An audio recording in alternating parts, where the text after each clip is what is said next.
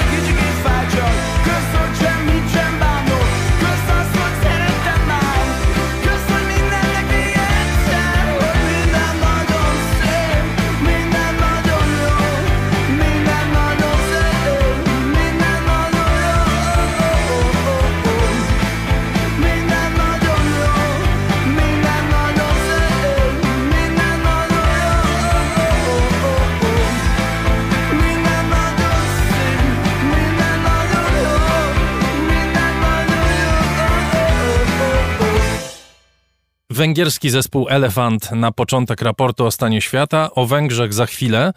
Zaczynamy od Stanów Zjednoczonych i pierwszych sygnałów płynących od prezydenta Bidena na temat jego polityki zagranicznej.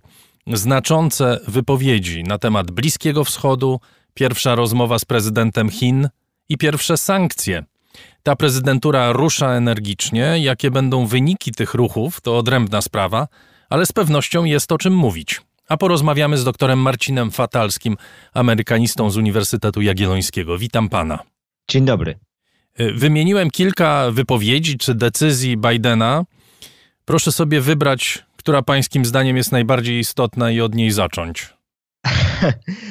Panie redaktorze, e, ja bym powiedział w ten sposób, że e, to jest prezydent, który moim zdaniem może nas jeszcze zaskoczyć taką dużą dynamiką, z którą on będzie się starał podjąć wyzwania, jakie ta prezydentura przynosi i świat przed nim stawia. Dlatego, że Joe Biden w tym swoim wystąpieniu, które wygłosił tam w. E, w ubiegły czwartek. W Departamencie Stanu, to też jest znamienne, że się pofatygował do Departamentu Stanu, powiedział, że on chce z nimi współpracować. Podkreślił swoją znajomość z Antonym Blinkenem, nowym sekretarzem stanu, czyli pokazał ten, zresztą o tym powiedział, tak, tak. On zresztą o tym powiedział, że on stawia dyplomację w centrum polityki zagranicznej. To jest, y, to trzeba by powiedzieć też przy okazji, bo warto o tym wspomnieć, że ten Departament Stanu, najstarsza w gruncie rzeczy instytucja amerykańskiego rządu, w ostatnich nawet nie latach, ale dekadach bywał marginalizowany.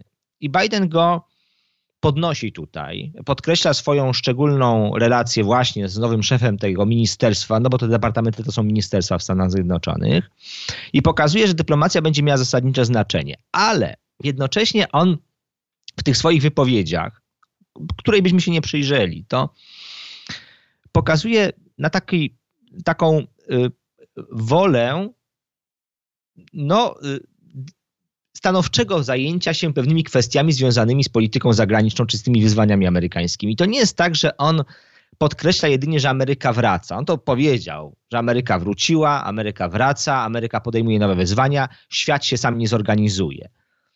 Jednocześnie chciałem to podkreślić, jak patrzę na to, czy słucham tego, co mówi sam prezydent, co mówi sekretarz stanu Antony Blinken, co mówi doradca do spraw bezpieczeństwa narodowego, no to pojawia nam się grupa ludzi, czy widzimy grupę ludzi, którzy nie zamierzają y, działać na takiej zasadzie, że ta fala ich jakoś niesie, że sprawy światowe pchają ich w jakimś kierunku. Oni wyraźnie chcą pokazać, że zamierzają się z tym światem jakoś mierzyć i te nowe wyzwania podjąć. I tych wyzwań jest kilka. I teraz pytanie, czy, czy rozmawiamy o ogólnej koncepcji, bo też bym miał dwa słowa tutaj do powiedzenia, czy zajmujemy się kolejnymi, kolejnymi wyzwaniami. Bo Dobrze, to zajmijmy się, zajmijmy się kolejnymi tak? wyzwaniami, dlatego że mam nadzieję, że od, od szczegółu dojdziemy do ogółu. Pan bardzo trafnie zwraca uwagę, że, oni, że on się próbuje zmagać e, z tymi wyzwaniami. No ile to jest? Niecałe trzy tygodnie. I, I mamy wypowiedzi jego dotyczące kilku regionów świata, i to wypowiedzi istotne, jeśli patrzymy na to, co się dzieje na Bliskim Wschodzie, prawda? Decyzja o wstrzymaniu pomocy dla Arabii Saudyjskiej w wojnie z Jemenem.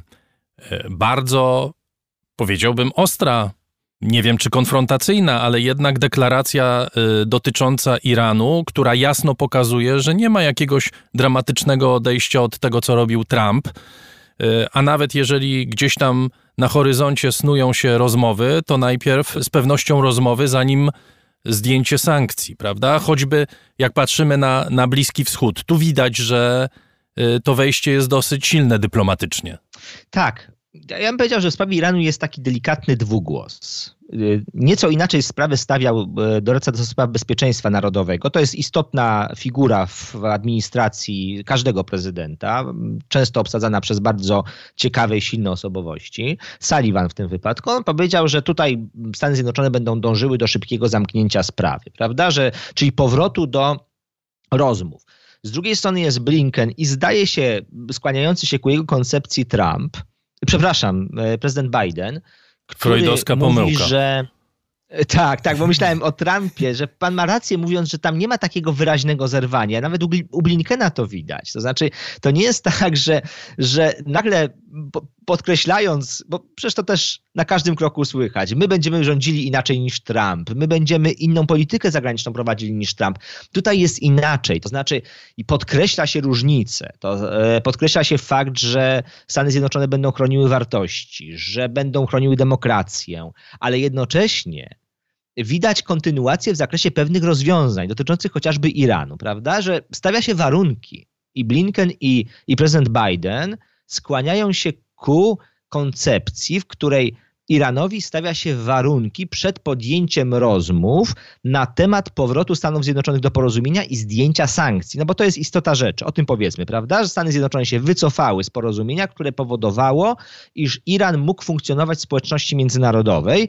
No i Iran podlegał sankcjom, czy podlega sankcjom, które ograniczają swobodę działania e, tego państwa. No ale jeśli ktoś liczył na to, że przyjdzie Biden i po prostu usiądziemy z Irańczykami e, do rozmów, to się przeliczył. Nie to ma, niczegoś takiego, niczego takiego nie będzie. Nie ma, nie będzie. Jest tutaj ryzyko pewne, na, to, na które chciałem zwrócić uwagę i oczywiście nie wiemy, co siedzi w głowach poszczególnych y, dygnitarzy administracji prezydenta Bidena, ale być może jest tak, że chociażby Sullivan uważa, iż bardzo ostre stawianie sprawy osłabia umiarkowanych w Teheranie. Bo pamiętajmy, że każda polityka ma swoje konsekwencje w wypadku takich reżimów niedemokratycznych, których ścierają się powiedzmy jastrzębie i gołębie. Oni są wszędzie, ale w wypadku reżimów autorytarnych, sytuacja, w której ten reżim się niejako stawia pod ścianą w zakresie pewnych kwestii, może powodować, że wzmacnia się ten nurt twardogłowych, jeśli można tak powiedzieć. I, I być może ten delikatny dwugłos, który ja zauważyłem w administracji Bidena, on wynika z faktu, że mm, no jest różnica zdań. To się zdarzało w przeszłości, to nie byłoby nic nadzwyczajnego, oryginalnego, ani wyróżniającego tę administrację, prawda? To już bywało w przeszłości, tak, żeby odwołać się chociażby do administracji Cartera, notabene w, akurat w, konsek- w, w kontekście Iranu to, to wtedy to wtedy wyszło. Więc ja bym powiedział w ten sposób, że, że y, nie ma zerwania wyraźnego, y, z, y, jeżeli chodzi o politykę amerykańską w stosunku do Iranu, czy do kwestii bliskowschodnich szerzej, bo tu Izrael też wchodzi w grę, prawda? Jeśli, jeśli porównać to z polityką administracji Trumpa, aczkolwiek trzeba wyraźnie powiedzieć, że w tym wypadku administracja Bidena deklaruje gotowość do e, powrotu do rozmów i porozumienia, choć stawia warunki. I, na, I to bym chciał podkreślić, że to nie jest administracja, która chce działać na zasadzie takiego kochajmy się, czy powrotu do polityki, w której nastąpi odwrócenie wszystkich decyzji Donalda Trumpa i jakby powrót do sytuacji, którą którą mm, świat mógł obserwować w ostatnim roku, nie wiem, rządów Baracka Obamy. To jest nowa polityka. To ma być polityka administracji Bidena i ona jednak się będzie różniła, to już dziś widać, od administracji Obamy. Chociaż oczywiście świat się zmienił, to choćby z tego względu ona musi się różnić. Mówi pan o dwugłosie. Jeśli chodzi o Chiny, y, to chyba żadnego dwugłosu nie słychać w tej administracji.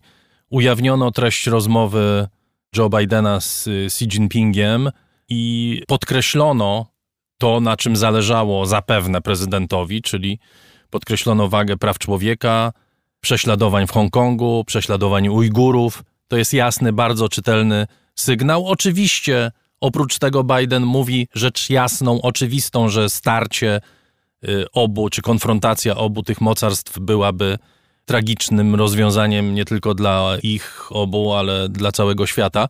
Natomiast y, ten język jest w miarę prosty, prawda? Tak, tak. Tutaj nie słychać dwugłosu nie tylko w ramach samej administracji, ale w ramach w ogóle elity politycznej amerykańskiej, bo z jednej strony mamy, mamy republikanów, z drugiej strony demokratów. Jedni i drudzy mówią podobnie. Y, I ja bym chciał na to zwrócić uwagę. To znaczy, jeżeli nawet Amerykanie przeciętni nie interesują się światem, to gdybyśmy teraz spytali takiego zwykłego Amerykanina, który szczególnie w sprawach polityki zagranicznej ani nie jest zorientowany, ani nie jest nimi jakoś poważnie zainteresowany, to odpowie, że problemem dla Stanów Zjednoczonych są Chiny.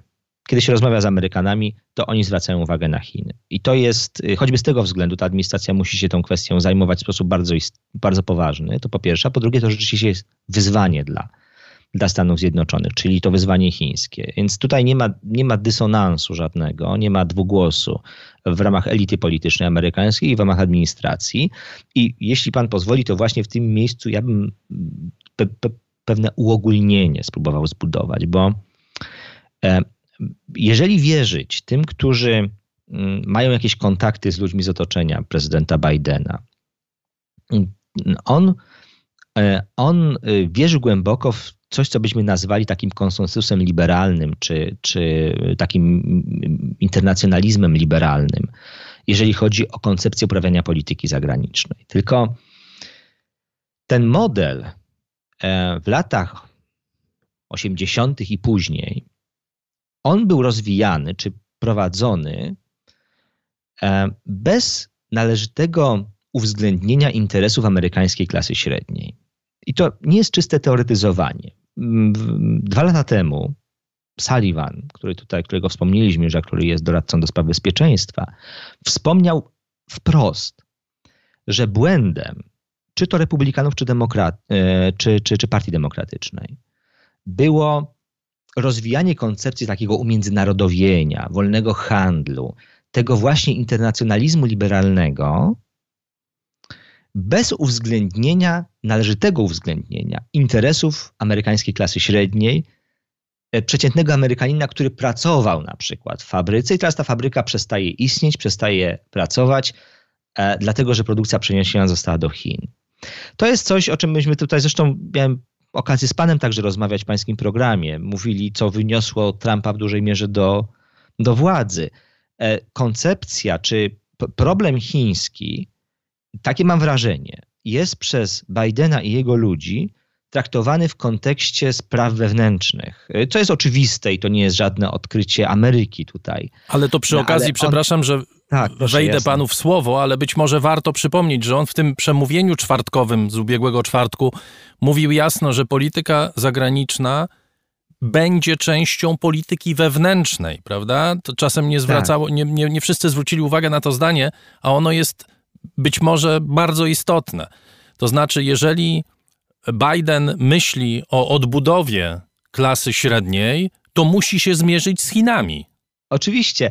Y, ja się z Panem w pełni zgadzam. Wydaje mi się, że komentatorzy zwracający uwagę na te, tę frazę America is back, na kwestie praw człowieka, y, walki z nowym autorytaryzmem, na to wszystko, jakby pominęli albo nie przyłożyli należytej uwagi do tego fragmentu wystąpienia prezydenta Bidena, w którym on powiedział, że nie ma wyraźnego podziału między polityką wewnętrzną i zagraniczną, że to są rzeczywistości, które są, to, to już wyciągamy z tego wniosek, które są współzależne i że y, prowadząc politykę zagraniczną, należy brać pod uwagę interesy Amerykanów. Ja się tutaj w pełni z Panem zgadzam, dlatego uważam, że, że tę politykę, jeśli ją analizujemy, tak jak mówimy już przecież na początku właściwie, nie mając jeszcze, jeszcze wielu Y, danych na ten temat y, i pewnie wiele koncepcji jeszcze nie zostało wypracowanych przez y, ekipę Bidena.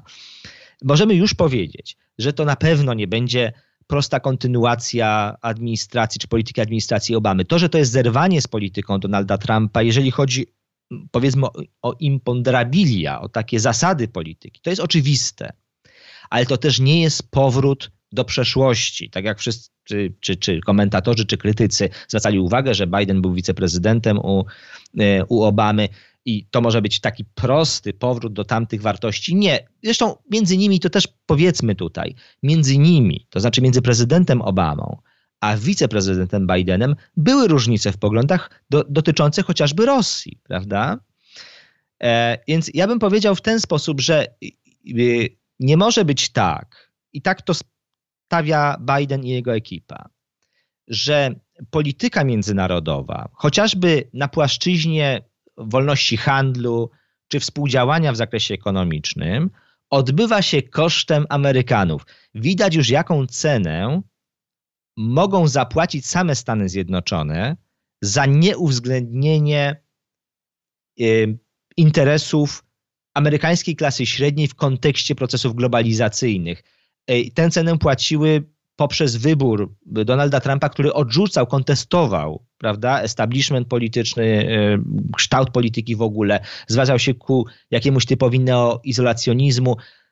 Biden ma tego głęboką świadomość, jego otoczenie ma tego świadomość i to wybrzmiało już w wypowiedziach ostatnich dwóch lat, powiedziałbym nawet, że ta polityka musi być inna. Dobrze, żebyśmy mieli pełną jasność, porozmawiajmy jeszcze o tych sprawach związanych e, z poszanowaniem praw człowieka. Bardzo ostra, zdecydowana decyzja w sprawie Birmy. dotycząca sankcji na e, funkcjonariuszy władz hunty wojskowej. Czytelna deklaracja na razie w sprawie Nawalnego. To, co pan mówi, sygnał w kierunku Chin został wysłany. Na sygnał w kierunku Rosji pewnie jeszcze czekamy. Natomiast też chciałbym, żebyśmy chwilę przynajmniej porozmawiali o, no jednak też czytelnej deklaracji dotyczącej wydarzeń w Polsce. E, bo rzecznik Departamentu Stanu jasno wypowiedział się na temat e, tego, co w Polsce się dzieje. To jest e, sposób, w jaki Ameryka będzie upominała kraje na temat poszanowania zasad demokracji, poszanowania praw i praworządności? Tak, przy czym jest różnica między Polską a Birmą, mm, polegająca no jest na zasadnicza, tym, że, tak. No, tak, u nas jeszcze się nie ja, zamyka znaczy, ludzi. Ja, nie, nie, nie, nie, miałem na W każdym razie nie tysiącami. sytuacji wewnętrznej. Tam mamy do czynienia, tak, mamy tam do czynienia z, z wojskowym zamachem stanu.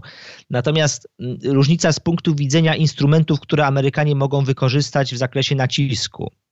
Pan powiedział, i tu oczywiście pełna zgoda, o tym, że jest bardzo wyraźna, jednoznaczna deklaracja i są konkretne instrumenty w odniesieniu do sytuacji w Birmie, są sankcje, tylko prawda jest też taka, że y, oddziaływanie tych sankcji i wszystkich tych instrumentów, które Amerykanie mają, y, w wypadku Birmy może być bardzo ograniczone. I tak naprawdę administracja Bidena poza deklaracjami y, i wyraźnym zajęciem stanowiska może zrobić niewiele, żeby w krótkim e, okresie czasu wywrzeć presję na władze wojskowe w tym kraju. Natomiast Polska to jest e, inny przypadek, e, związany raczej z tym, że nasza elita polityczna, niezależnie od tego, czy mówimy o prawicy o, czy, czy o lewicy, zawsze stawiała na Stany Zjednoczone, ten sojusz ze Stanami Zjednoczonymi jako sojusz strategiczny. W ostatnich latach w ogóle te Stany Zjednoczone stały się krajem, a właściwie nie tyle Stany Zjednoczone, no, to się wiązało oczywiście z postawieniem całego tego kapitału politycznego na osobę prezydenta Trumpa. E, więc właściwie cała ta polityka polska była bardzo silnie powiązana z USA.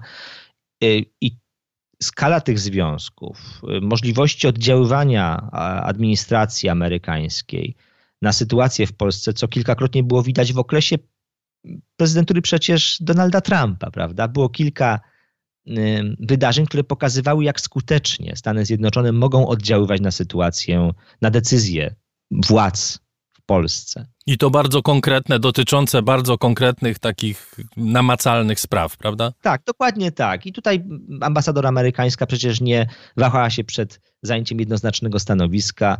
E, zmieniano ustawodawstwo przecież w sytuacji, kiedy Stany Zjednoczone bardzo jasno pewne kwestie stawiały. I, i myślę, że y, w tym zakresie y, Stany Zjednoczone mają o wiele większe możliwości oddziaływania na sytuację w Polsce i odczytywałbym tę deklarację właśnie w ten sposób. To znaczy, że tam, gdzie Stany Zjednoczone mogą w sposób bardzo wyraźny wpłynąć na sytuację wewnętrzną, to myślę, że będą wpływały. W wypadku Birmy, jak sądzę, mamy do czynienia no, z deklaracją wynikającą z głębokich przekonań tej administracji co do tego, jak sprawy powinny być ułożone w państwach, a więc rządy prawa, prawo do demokratycznego wyboru władzy. No ale z drugiej strony miejmy też świadomość, że chyba nikt w Waszyngtonie nie ma złudzeń, że y, konsekwencje tej postawy Stanów Zjednoczonych, tego stanowiska będą takie, iż e, dojdzie tam do reorientacji polityki tej, e, te, tego rządu wojskowego. To tego bym się nie spodziewał i jak sądzę, nikt w Waszyngtonie się tego nie spodziewa. Tak więc skala oddziaływania czy zakres oddziaływania będzie różny w zależności od tego, jak silne są związki um, Stanów Zjednoczonych z krajem, na który Stany Zjednoczone próbują oddziaływać. O tak bym tę kwestię podsumował, akurat tę. Z tym się wiąże pewne niebezpieczeństwo. Nie wiem, czy pan się zgodzi.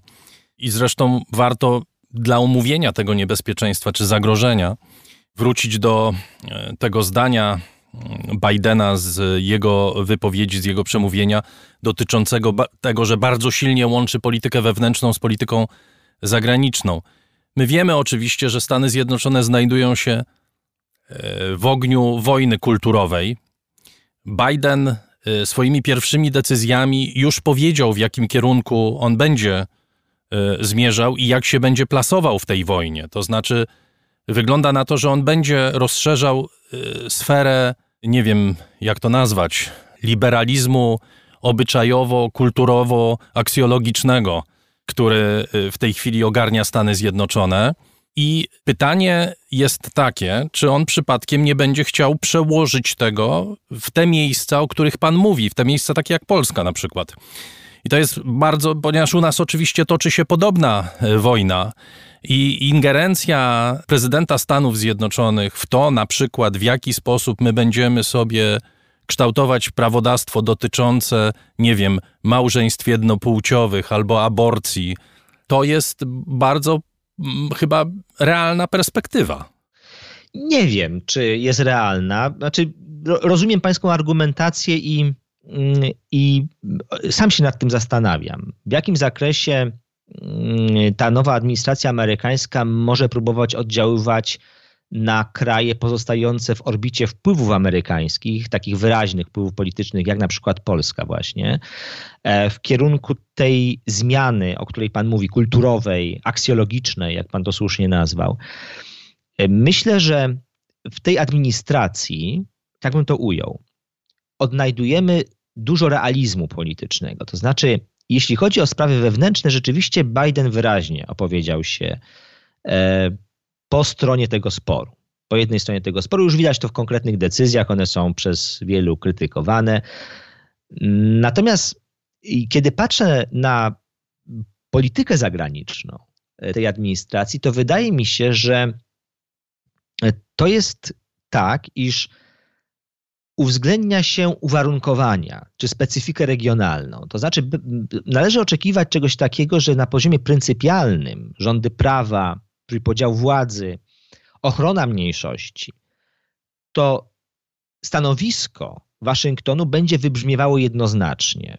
Nie wiem, dlaczego Waszyngton czy administracja Bidena miałaby się wahać przed bezpośrednim naciskiem, jeśli nie wahała się administracja Trumpa, prawda? Y, tym bardziej, że będzie głęboko wierzyła e, w słuszność e, rozwiązań, które propaguje. Natomiast z drugiej strony wydaje mi się, że ci ludzie w otoczeniu Bidena, jak Blinken, mają w sobie na tyle dużo realizmu, iż y, postawią jakąś granicę w takim zakresie, w jakim y, będą oczekiwali od swoich sojuszników pozostających pod wpływem Stanów Zjednoczonych realizacji pewnych rozwiązań społecznych czy kulturowych, że, że to nie pójdzie chyba tak daleko, abyśmy tutaj mieli bezpośrednią ingerencję w kwestiach wywołujących jakieś fundamentalne spory e, społeczne. Myślę, że że mm, to będzie dotyczyło przede wszystkim kwestii związanych z rządami prawa, z wolnością debaty publicznej, wolnością badań naukowych, tak jak rozumieją to w Stanach Zjednoczonych, e, komentatorzy, oddziałujący przecież na tę elitę polityczną, no bo to jest przecież środowisko, które, e, które jest ze sobą, pozostaje ze sobą w takiej współzależności, także intelektualnej. I, i bym, ja bym tak to odczytywał, ale oczywiście,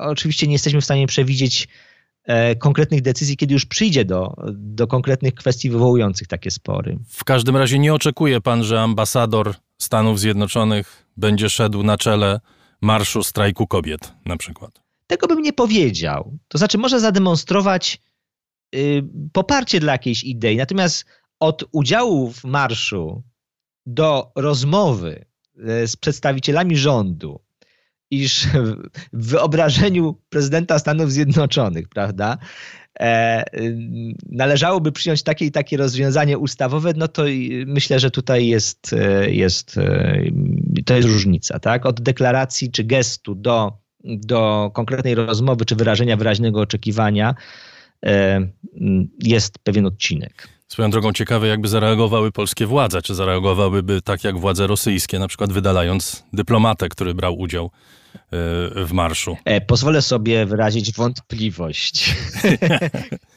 Bardzo dziękuję. Doktor Marcin Fatalski z Uniwersytetu Jagiellońskiego był gościem raportu o stanie świata. Serdecznie dziękuję.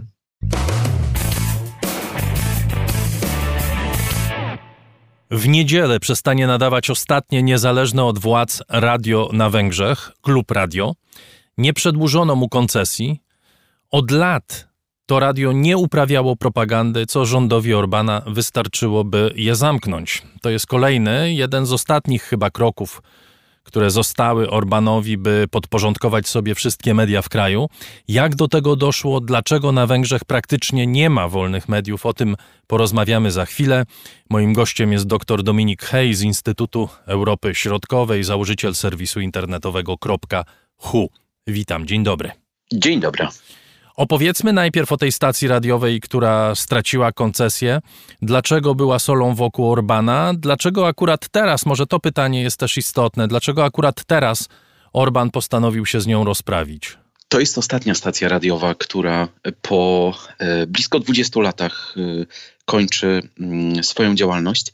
E, powstała, co ciekawe, za czasów pierwszych rządów Fidesu w latach 98 2002 e, i była faktycznie ostatnią ogólnowęgierską, jako ogólnokrajową stacją radiową, która e, prezentowała punkt widzenia, który niekoniecznie podobał się e, partii Fidesz.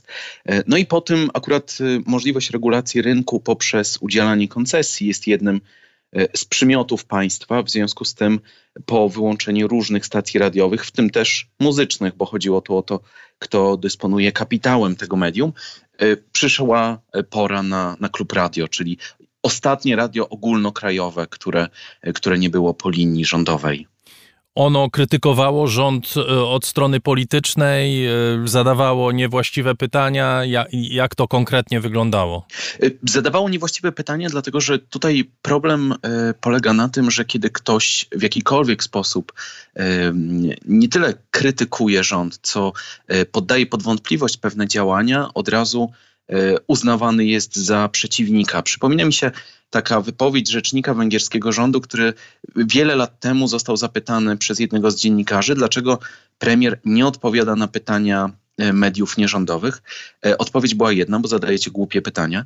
I tak naprawdę jedyną możliwością, aby dziennikarze różnych stacji radiowych, różnych e, mediów, prasy, telewizji mogli zadać pytania premierowi, to są konferencje prasowe, e, czy to w Brukseli, czy w Strasburgu, kiedy są międzynarodowe konferencje prasowe. E, no i największym zainteresowaniem cieszą się niekoniecznie od strony europejskich mediów, ale właśnie węgierskich, gdzie po prostu takiej prewencyjnej cenzury nie sposób wprowadzić. W rankingu wolności prasy prowadzonym przez organizację Reporterzy Bez Granic Węgry zajmują 89 miejsce na 180 państw. To jest spadek o ponad 60 pozycji w ciągu tych ostatnich lat, w ciągu ostatniej dekady. Na czym konkretnie polega brak wolności słowa na Węgrzech? Czy na przykład polega to na prześladowaniu dziennikarzy, tak jak ma to miejsce, nie wiem, w Rosji czy w Turcji na przykład? Czy też y, są to bardziej miękkie metody? Zdecydowanie bardziej miękkie. Ja poza y, tym y, raportem y, reporterów bez granic, to zastanawiam się nad, nad jeszcze jednym wskaźnikiem, który przedstawia Freedom House amerykański, w którym już od kilku lat Węgry określane są mianem państwa autorytarnego i gdzie właśnie to pole, jeszcze kiedy uznawano e, w pełni demokrację na innych poziomach, to właśnie pod, pod, pod, w tej warstwie medialnej uważano, że Węgry już nie są państwem demokratycznym.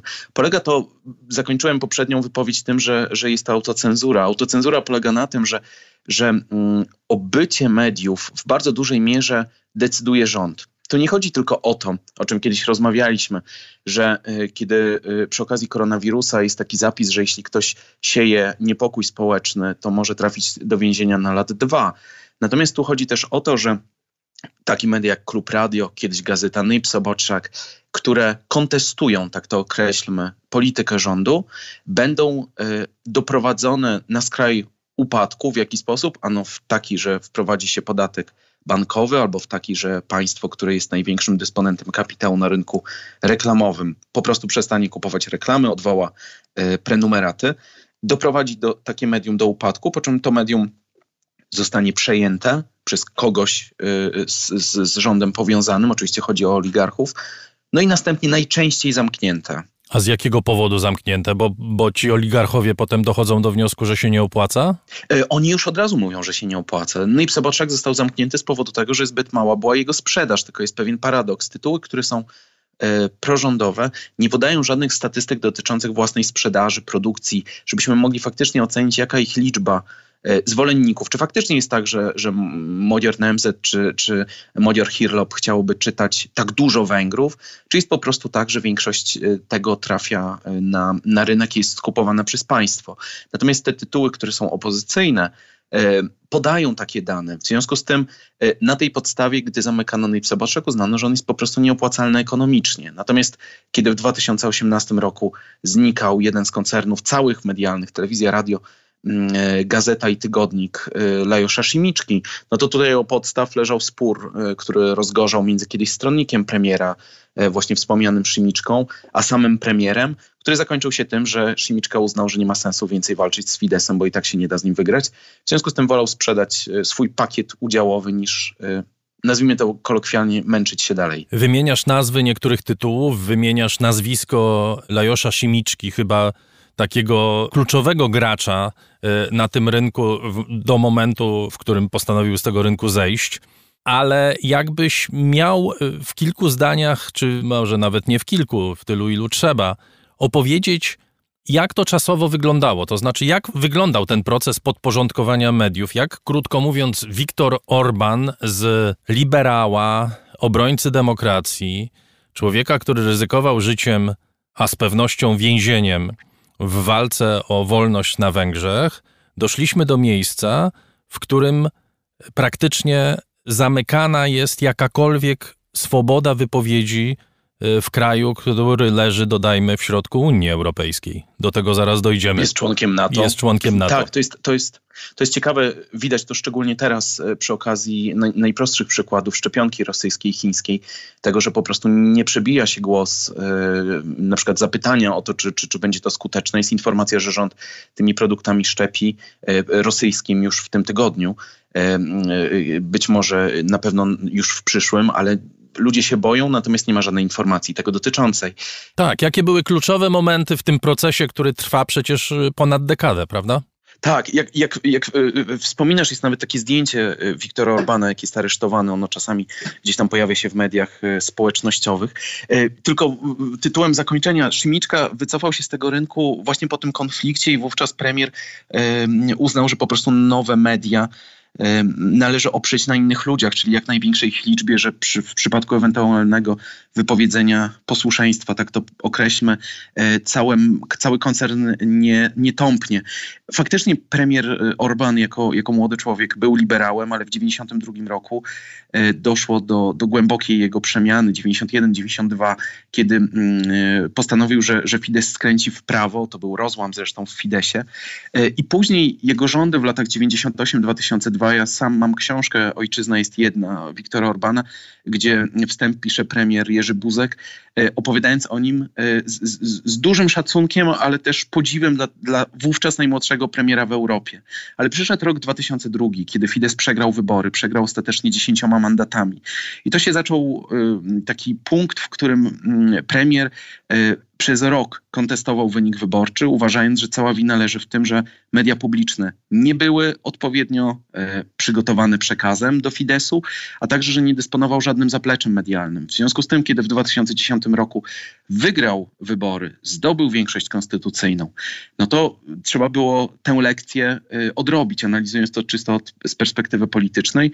E, w związku z tym podjęto działania w, w kierunku um, uzależnienia mediów publicznych, choćby przez urząd y, szefa Narodowej Rady Mediów, który jest wybierany na 9 lat, czyli na dłużej niż jedna kadencja, y, przekształcenia systemu finansowania mediów, także powołania fundacji, która tymi mediami zarządza, czyli y, określenie stanu, w którym nie ma powrotu do przeszłości, a także mm, tworzenia dalej koncernów medialnych, przy czym warto jest jeszcze pamiętać, że wówczas Szymiczka był jego stronnikiem, więc Fidesz komercyjnymi mediami jak najbardziej dysponował. Natomiast później, szczególnie po konflikcie E, z Szymiczką e, podjęto także inne działania w tym celu, żeby ten rynek wyglądał obecnie jak wygląda. I wspomniałeś o kilku metodach, które stosuje rząd już w tej chwili wobec mediów komercyjnych, no bo media publiczne to jest stosunkowo tak. łatwo podporządkować, prawda? No, tak. Rząd dysponuje budżetem, dysponuje pieniędzmi i tutaj e, ta dźwignia jest bezpośrednia. Natomiast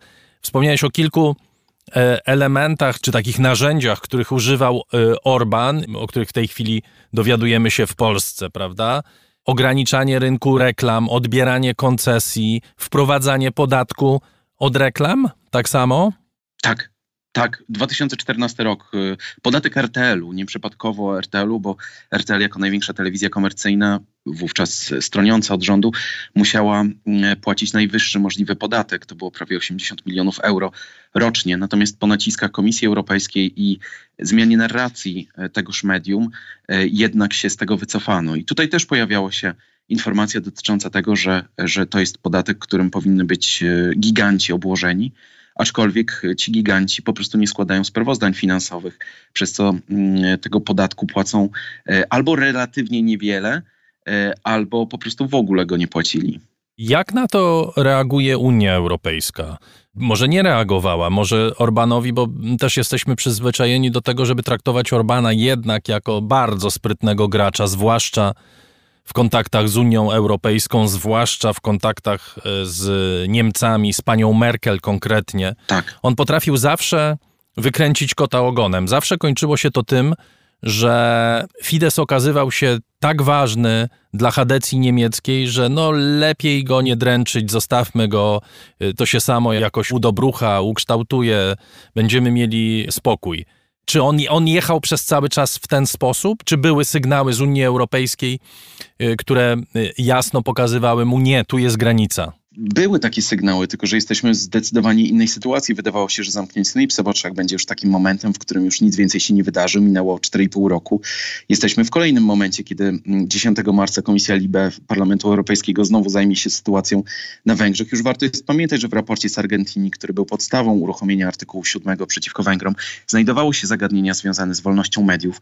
Ale tu jest jedna też ciekawa rzecz, że Deutsche Telekom był jednym z takich aktorów istotnych na, na węgierskim rynku y, medialnym, gdy zdecydował się odsprzedać udziały w też ogromnym wówczas portalu internetowym Origo i przestawić go e, o 180 stopni dosłownie po tym, kiedy Origo opublikowało krytyczne wobec rządu artykuły dotyczące akurat wówczas podróży mm, szef kancelarii premiera Orbana do Londynu e, i cała redakcja w zasadzie została mm, no, no, zmieniona. Tak? Ci ludzie dzisiaj pracują w większości w portalu śledczym Direct36 i przeglądają się poczynaniom rządu.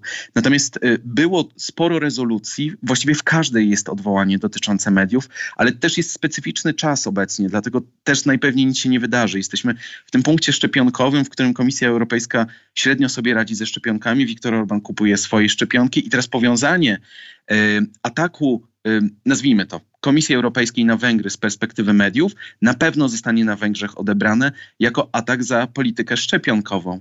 W związku z tym dla PR-u Komisji Europejskiej, czy tego bardzo trudnego czasu, w którym jesteśmy, najprawdopodobniej kompletnie nic się nie wydarzy w tym temacie. Klub Radio zamilknie, przejdziemy do kolejnej rzeczy i być może za jakiś czas znowu będziemy rozmawiać o tym, czy czerwona linia to już, czy jeszcze nie. W przyszłym roku są wybory na Węgrzech. Tak. Czy to, co zrobił w tej chwili Orban, to jest dokręcanie tych śrubek, które jeszcze być może są y, poluzowane? Mówię o zamknięciu klub radio. Klub Radio to nie jest medium, które ma y, tak dużą słuchalność, która pozwoliłaby na to, żeby y, wybory wygrać opozycji. Tutaj zdecydowanie y, są ważniejsze inne elementy, jak choćby zmiany bardzo poważne w ordynacji wyborczej, które mają, mówiąc wprost, utrudnić jakikolwiek start opozycji, która notuje zjednoczone dobre wyniki sondażowe, to znaczy najlepsze od 12 lat. E, w związku z tym e, tutaj to nie jest tak, że rynek medialny jest jedynym możliwym sposobem oddziaływania państwa na, na przyszłość wyborczą. Natomiast 2022 rok będzie bardzo ciekawym momentem i myślę, że jeszcze ten rok przyniesie kilka zmian ustawowych, które będą miały zagwarantować prawdopodobnie zwycięstwo Fidesu. E, pamiętajmy, że w 2018 roku Viktor Orban powiedział, że zamierza rządzić aż do 2030 roku, więc jeszcze trochę zostało. Pozostaje mi jeszcze jedno pytanie. Czasami e, spotykam się z takimi pytaniami dotyczącymi Polski i, i wydaje mi się ono naiwne, kiedy pada z ust ludzi spoza Polski, ale chyba trzeba je zadać. To znaczy, dlaczego to jest możliwe w ogóle na Węgrzech? Dlaczego w kraju, który no, wyszedł z komunizmu, który przeszedł swoją drogę, nie ma wystarczającej siły, y, która nie pozwala na wprowadzenie tego typu zmian? Ja nie wiem, czy w Polsce protest dziennikarzy i mediów e, spowoduje, że to prawo nie zostanie wprowadzone. Natomiast taki protest się odbył. Rozumiem, że na Węgrzech tego typu protest, tak dobrze zorganizowany i tak powszechnie przeprowadzony, raczej byłby niemożliwy. Niemożliwy. Dlatego pytam, dlaczego tak jest? No, czy to jest w dalszym ciągu myślenie ludzi wychowanych na tym kadarowskim gulaszu, którzy y, zapomnieli od 56 roku, czym jest wolność? Nie. Y, po pierwsze, trzeba było spojrzeć na, na różnice socjodemograficzne. Tak naprawdę jest Budapeszt i cała reszta. W związku z tym, jeśli protesty są, to wyłącznie w Budapeszcie, dlatego że wszystko poza Budapesztem jest liczone z, z polskiej perspektywy jak, jak nieduże miasta i prowincja. W związku z tym ulokowanie głównej siły opozycji w Budapeszcie ma przełożenie oczywiście na to, jaka jest siła mm, organizacji protestów. Zresztą na Węgrzech nie istniała, tutaj podany wtedy przez, przez ciebie e, gulasz jest jak najlepszym przykładem kadarowy. Mianowicie, że na Węgrzech nie istniał ruch oporu po, podobny do Solidarności, ruch społeczny. Węgrzy wyszli masowo na ulicę w, w latach komunizmu nie przeciwko polityce, tylko przeciwko traktowaniu Węgrów w, mm, głównie przez, przez Czałczesku, a także rozbudowę elektrowni atomowej, przepraszam, elektrowni wodnej e, pomiędzy Węgrami a Czechosłowacją. E, innych zagadnień tutaj nie było. Natomiast e, moglibyśmy trochę odwrócić i przewrotnie zadać to pytanie, ucinając tak naprawdę na roku 2014. Gdyby wówczas nie przeprowadzono w latach 2011-13 bardzo, e, bardzo głębokich przemian w ordynacji wyborczej i kodeksie wyborczym, przyjmując realną liczbę głosów, którą zestawilibyśmy dokładnie jeden do jednego z 2010 rokiem, Fidesz nie miałby większości konstytucyjnej. E, nie miałby jej też później, czyli w 2018 roku. To znaczy, że większość rzeczy, która teraz zadziała się na Węgrzech, ustaw, które zostały um, uchwalone poprzez zmianę dwoma trzecimi, albo ustawy zwykłe, które przemianowano na dwie trzecie, nie miałyby miejsca. W związku z tym to państwo nie funkcjonowałoby tak jak teraz. A na to co zrobiono z kodeksem wyborczym czy ordynacją wyborczą, wtedy szarzy ludzie nie mieli żadnego przełożenia, dlatego że w 2010 roku, zgodnie z programem Fidesu, który zdecydowanie nie zawiera tego, o czym rozmawiamy dzisiaj, a jest ostatnim programem wyborczym właśnie sprzed dekady, nie było zawartych postulatów e, tego typu, e, a Węgrzy po prostu chcieli zmian po lewicowo-liberalnej koalicji e, i tego, że to państwo było u skraju bankructwa finansowego w strasznym dla siebie momencie ekonomicznym. No dobrze, ale kolejne wybory y, Orban wygrywa i to wygrywa zdecydowanie. To nie jest tak, że on oszukał ludzi raz, ludzie się zorientowali i odsunęli go od władzy. Nie, oni przyjmują to, co, to, co on im proponuje, prawda? Jak najbardziej, tam jest bardzo duża grupa osób, zdecydowana, która, która y, głosuje na Fidesz. I gdyby nie te zmiany w ordynacji, y, Fidesz zapewne wybory by wygrywał, ale nie miałby większości konstytucyjnej. W związku z tym nie byłby w stanie zmienić po raz kolejny ordynacji wyborczej, kodeksu wyborczego, y, zmieniać innych ustaw, choćby dotyczących mediów. Musiałby budować czy poszukiwać porozumienia politycznego, bo brakowałoby mu do tej liczby magicznej 133 posłów w 199-osobowym parlamencie. Natomiast y, uzależnił od siebie w różne sposoby też y, warstwę najbiedniejszą Węgrów, tych, którzy w tych mniejszych miejscowościach idą głosować na Fidesz, dlatego że największym pracodawcą lokalnym jest dla nich ktoś z Fidesu przy, przy trybie prac interwencyjnych. Ja nie neguję, że Fidesz ma największe poparcie społeczne, bo tak jest, bo wygrywa te wybory.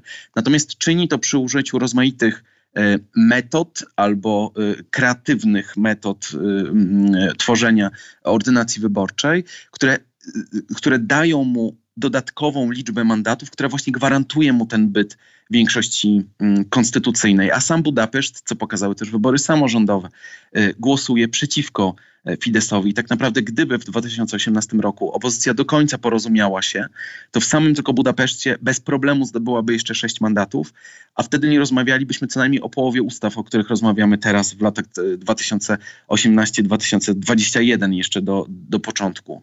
Dziękuję bardzo. Dr Dominik Hej z Instytutu Europy Środkowej i serwisu internetowego .hu był gościem raportu o stanie świata. Dziękuję.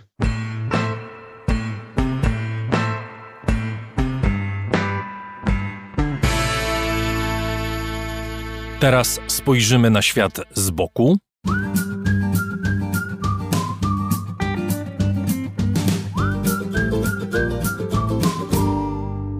Spoglądał będzie Grzegorz Dobiecki nasz współpracownik, na co dzień głównoprowadzący programu Dzień na świecie telewizji Polsat News. Dziś opowie o monarchiach, zwłaszcza dziedzicznych.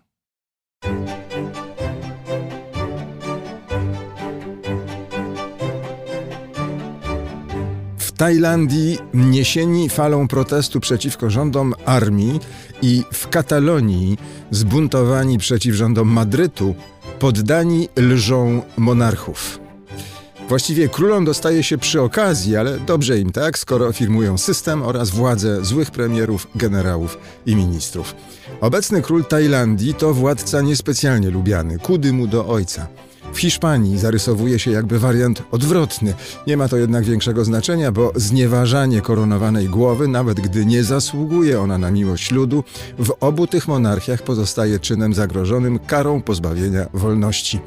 W Tajlandii wręcz absurdalnie surową, czego doświadczyła właśnie blogerka, skazana tam za krytykę Ramy X i jego rodziny na 43 lata więzienia. W Hiszpanii kataloński raper Pablo Hasél artysta anarchizujący za obelżywe teksty o panujących Bourbonach, a nawet groźby wyskandowane pod ich adresem, ma odsiedzieć 8 miesięcy.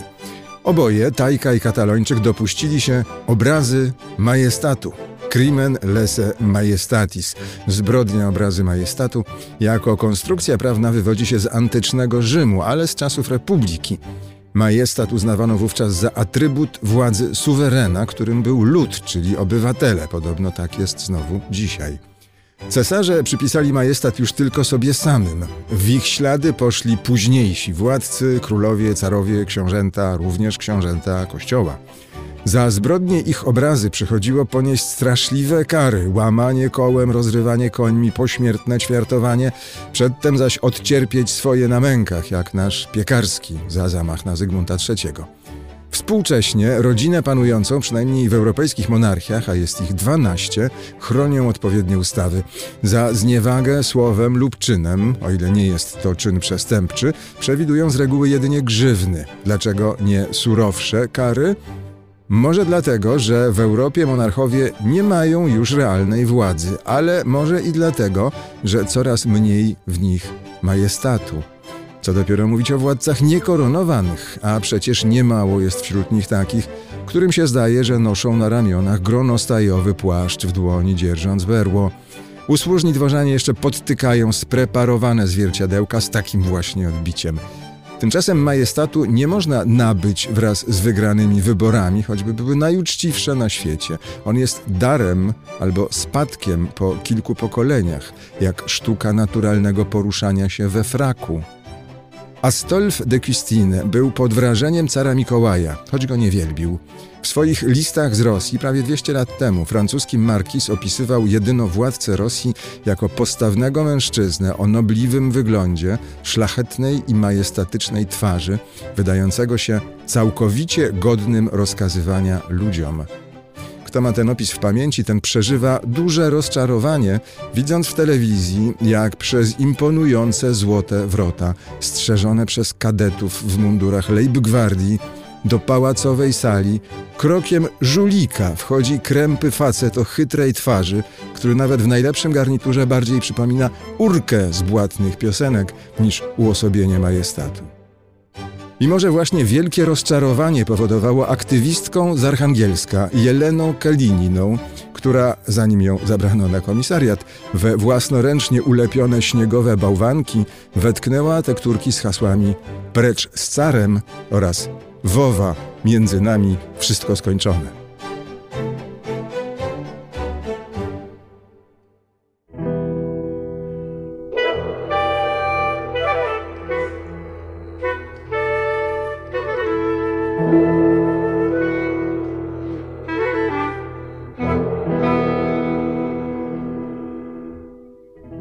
Ty, coż to ma klawę życie oraz wyżywienie klawę. Przede wszystkim już o świcie. Dają mu do łóżka kawę, a do kawy jajecznicę. I gdy już podeżre zdrowo, to przynoszą mu w lektyce bardzo fajną cysarzową.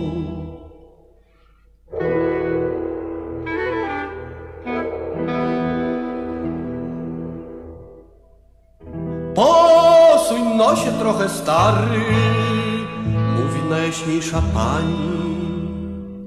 Potem ruch się robi w izbach, cysarz z łóżka wstaje letko, siada sobie w złoty zydzbat, złotą goli się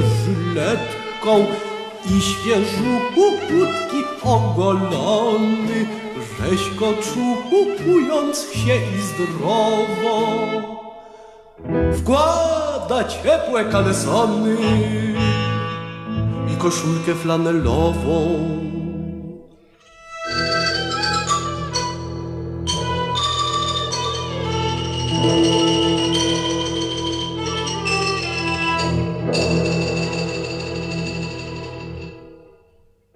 A przyjemności same oraz niespodzianek wiele przynoszą mu panoramę, WTK i karuzelę, Filipinkę i sportowca i skrapiają perfumkami i może grać w salonowca z marszałkiem i ministrami. Po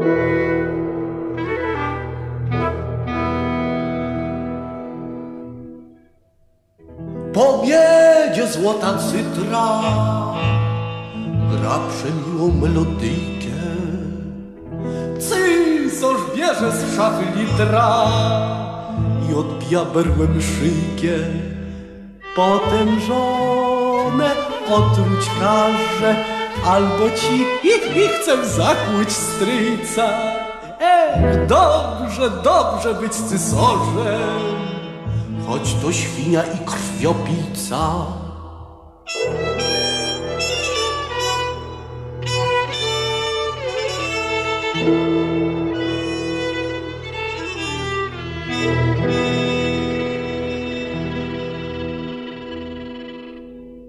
Tadeusz Chyła i jego piękna ballada pochwalna o Cysorzu w raporcie o stanie świata, ballada pióra wielkiego Andrzeja Waligórskiego.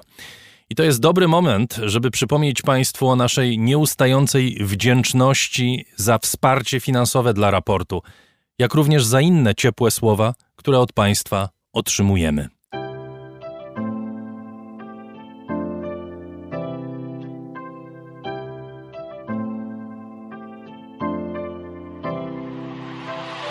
Raport o stanie świata od marca ubiegłego roku rozwija się dzięki Państwa zaangażowaniu i szczodrości. To dzięki Wam możemy opowiadać o świecie przy pomocy dźwięków.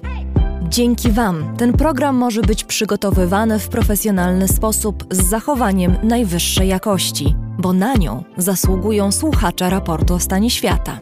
Z serca dziękujemy wszystkim Państwu za wpłaty. Wasza hojność jest dla nas ogromnym zobowiązaniem. Zbiórka na patronite.pl ciągle trwa. Zachęcam do udziału w niej. Najhojniejsi patroni raportu o stanie świata to artrage.pl Książki dostępne dla każdego za tyle, ile chcesz zapłacić. Bierz i czytaj. Firma Prosper z Sosnowca, hurtownia elektroenergetyczna i właściciel marki Czystuś. Firma Venterm, instalacje fotowoltaiczne z Dąbrowy koło Niepołomic. Magda Kras-Gorzkowska, właścicielka marki Miłomi Beauty, najmilszego day spa w Pruszkowie i okolicach. www.miłomibeauty.pl Catering dietetyczny Lightbox, oferujący dietę pudełkową z wyborem potraw z różnych kuchni świata. Michał Małkiewicz. Firma Software Mill. Od zawsze zdalni. Programują dla całego świata. Dom wydawniczy Muza. Bo świat nie jest nam obojętny. Uber. Myślimy globalnie, działamy lokalnie. A także firma Ampio Smart Home. BIMV.pl. Kursy online dla inżynierów. Mariusz Drużyński. Tomasz Hunc. Palarnia kawy La Cafo z Augustowa. Gosia i Michał Kowalczewscy. Alan Meller. Aplikacja Moja Gazetka. Polska proekologiczna aplikacja zakupowa z gazetkami promocyjnymi i nie tylko. Moja gazetka Kupuj mądrze. Paweł Nowy Nowak. Michał Piętoń, projektant znaków graficznych. Wydawnictwo Uniwersytetu Łódzkiego. Nauka w dobrym wydaniu. Fundacja Wasowskich, opiekująca się spuścizną Jerzego Wasowskiego i wydawca książek Grzegorza Wasowskiego. Szczegóły na wasowscy.com. Dziękujemy bardzo. To dzięki Państwu mamy raport o stanie świata.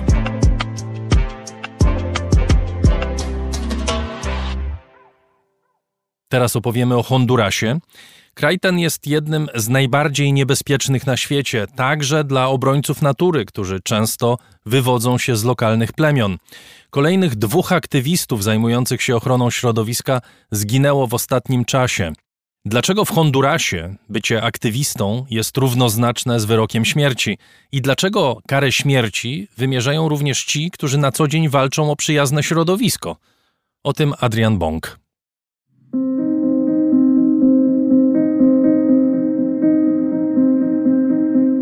Despertemos, despertemos humanidad. Ya no hay tiempo. Nuestras conciencias. Obudźmy się, obudźmy się wszyscy. Nie mamy czasu. Musimy uwolnić nasze sumienie od drapieżnego kapitalizmu, rasizmu i patriarchatu, które tylko prowadzą nas do samozniszczenia. Dedykuję tę nagrodę wszystkim buntownikom dobrej sprawy. Dedykuję ją mojej matce, plemieniu Lenka, Rio Blanco, wszystkim męczennikom, którzy oddali swoje życie w bitwie o naturalne zasoby ziemi.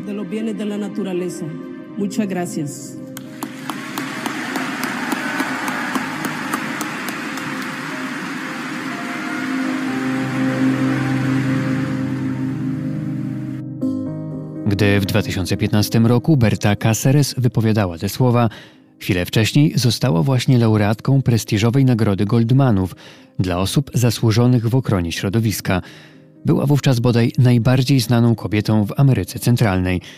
Bertę Cáceres znał każdy, a szczególnie w grupie indyjskich plemion Lenka, największej grupie rdzennej ludności w Hondurasie – Nagrodę dostała, ponieważ udało jej się coś, co niezwykle rzadko udaje się obywatelom Hondurasu obronić własną rację. Osiągnięcie Berty Cáceres zrobiło także wrażenie na Halile Garcia, Hondurance z Uniwersytetu Columbia, specjalizującej się w prawach człowieka. Berta Cáceres really fought for the um... Berta Casares wywalczyła rezygnację z planów budowy olbrzymiej zapory i elektrowni wodnej, która spowodowałaby zalanie dużego obszaru zamieszkałego przez miejscowych Indian i pozbawiłaby ich źródeł wody pitnej z okolicznej rzeki. To była walka z całym systemem, który funkcjonuje w Hondurasie i wszystkimi, którzy go tworzą i mają na niego wpływ.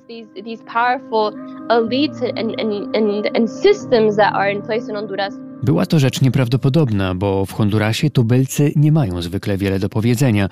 Znajomy Berty Cáceres, dziennikarz Oscar Estrada, już wówczas jednak wiedział, że prędzej czy później Berta Cáceres zapłaci cenę za swój sprzeciw. Que la líder indígena y ambientalista Berta Cáceres fue asesinada en medio de reiteradas denuncias contra la intención de ejecutar el proyecto hidroeléctrico Aguasarca. Rok po tym, jak otrzymała nagrodę Goldmanów, została zabita w swoim domu. Mimo, że teoretycznie zapewniano jej państwową ochronę, tego dnia nikt jej jednak nie pilnował. Zabójca wszedł do mieszkania oknem i oddał kilka strzałów z bliskiej odległości. Wspomniany dziennikarz Oscar Estrada mówi mi, że jej śmierć jest zagadkowa do dziś, a sama Berta Cáceres stała się legendą. Byłem bardzo bliskim znajomym Berty, szczególnie w tamtym czasie. Ona była w swoim regionie Intibuka traktowana jako obrończyni praw ludności, jak przywódczyni tej ludności. Nie wywodziła się z grupy Lenka, ale praktycznie całe życie spędziła na walce o prawa tej grupy tubylczej. She was not Lenka herself, but she was working with the Lenka community. Oscar Estrada dwa lata temu sam musiał uciekać z Hondurasu po tym, jak zaczął dostawać pogróżki związane ze swoją pracą. Estrada, który wówczas pracował dla jednej z lokalnych gazet, przygotowywał także książkę o honduraskim narkobiznesie. Bo jak mówi mi, wszystko w Hondurasie jest powiązane z narkobiznesem.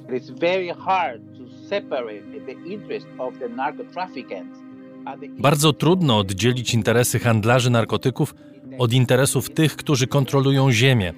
A często są to firmy prywatne, skupione tylko i wyłącznie na zysku, jak choćby firmy wydobywcze, energetyczne czy budujące zapory wodne.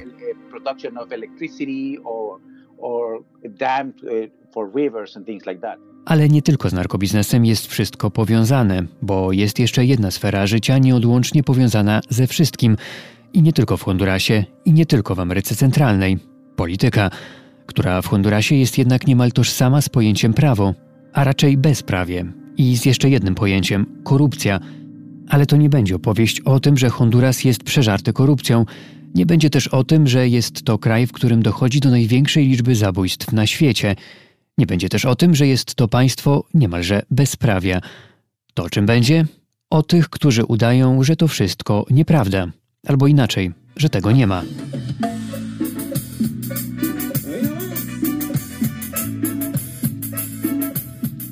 Ten dźwięk przenosi nas do Guapinol, wioski na północy Hondurasu położonej w malowniczej dolinie Bajo. Gra jeden z lokalnych zespołów, Guapinol de la Sierra. Takie koncerty na powietrzu są bardzo popularne. W Hondurasie życie toczy się głównie na powietrzu. Ale w ostatnim czasie przez dźwięk instrumentów przebija się dźwięk z pobliskich kopalni. Nie tylko zresztą dźwięk, bo woda, która do tej pory nadawała się do picia bezpośrednio z pobliskiej rzeki Aguan, teraz stała się zanieczyszczona. Ale to nie koniec problemów mieszkańców Guapinol, mówi Marina Komanduli z organizacji Global Witness. Jako, że mieszkańcy Guapinol są przeciwni kopalni żelaza, już 31 z nich zostało aresztowanych. 31 osób oskarżono o działalność przestępczą w związku z tym, że chronią środowisko i rzekę. Ośmiu z nich jest już w więzieniu. To jest sposób na wywołanie atmosfery strachu i bojaźni, co ma zniechęcić obrońców ziemi do dalszej aktywności. Co więcej, cały kodeks karny jest aktualizowany w ten sposób, żeby bronić się przed działaniami obrońców środowiska. Mimo, że Guapinol to region objęty ochroną, lokalne władze planują wybudować wielką kopalnię żelaza. Żelazo to, jak wiadomo, jeden z najbardziej powszechnie dostępnych na świecie metali. Ale zaraz, zaraz, w Hondurasie od jakiegoś czasu żelazo to już nie metal – Ironizuje, a raczej mówi prawdę, dr Vicky Knox z Uniwersytetu Londyńskiego. That makes this executive order that now iron ore is not iron Wprowadzono właśnie zmianę w prawie, według której ruda żelaza nie jest żelazem. Właśnie tak.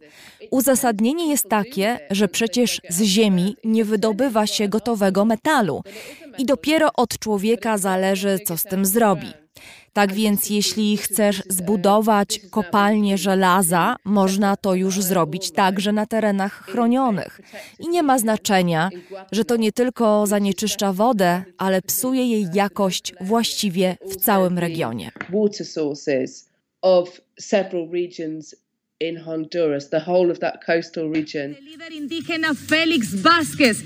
En Honduras fue reportado este domingo el asesinato del líder indígena y precandidato a diputado por el al secretario general de la Unión Nacional de Campesinos, en defensor del ambiente. W ostatnich miesiącach przeciwko takim praktykom protestował m.in. Félix Vázquez, 60-letni aktywista z plemienia Lenka, mieszkający w Santiago de Puringla na południu Hondurasu. Vasquez był zaangażowany w obronę praw rdzennej ludności, w tym prawa do ziemi, już od lat 80. W grudniu zginął zabity we własnym mieszkaniu. To historia niemalże będąca kopią tego, co przydarzyło się Bercie Caceres. Mimo, że od zabójstwa Berty Caceres minęło już pięć lat, wciąż nie wiadomo, kto zlecił to morderstwo, choć przypuszcza się, że zarówno morderca, jak i zleceniodawca byli związani z firmą DESA, odpowiedzialną za budowę tamy wodnej, której Berta Caceres była przeciwko. W 2018 roku zatrzymano i aresztowano prezesa firmy Roberta Davida Castillo-Meje, który miał pomagać w zaplanowaniu zabójstwa aktywistki.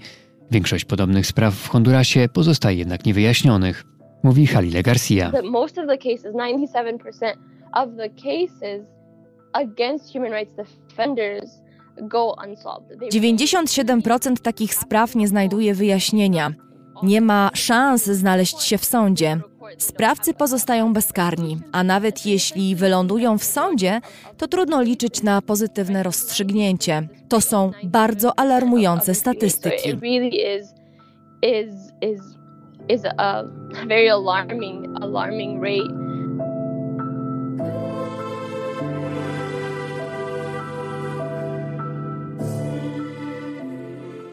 I tutaj wracamy do żelaza. Bo tak jak nikt w Hondurasie nie ma w interesie ścigać mocodawców zabójstw i aktywistów, tak i w interesie wielu nie jest uznawanie żelaza za metal. Górnictwo w Hondurasie to ważna część przemysłu, także dlatego, że kraj ten jest bogaty w surowce naturalne, co jednocześnie jest jego zbawieniem, ale także zgubą.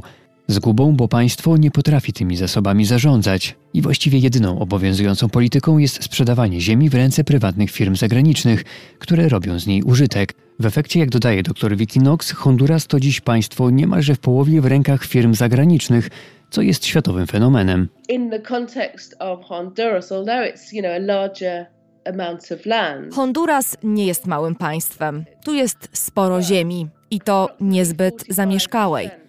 Ale około 45% terytorium Hondurasu znajduje się na umowach koncesyjnych. To oznacza, że ziemia ta została sprzedana przez rząd prywatnym firmom. Często właśnie na potrzeby bardzo dużych inwestycji, tak zwanych megaprojektów. I to jest naprawdę duża część terytorium. Największymi obszarami ziemi w Hondurasie zarządzają Kanadyjczycy.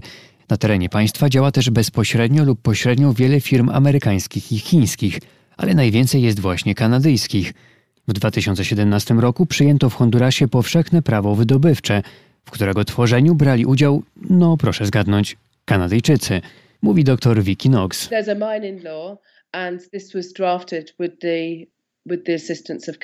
A więc prawo tworzyli również Kanadyjczycy, a teraz wiele kanadyjskich firm ma z tego korzyści.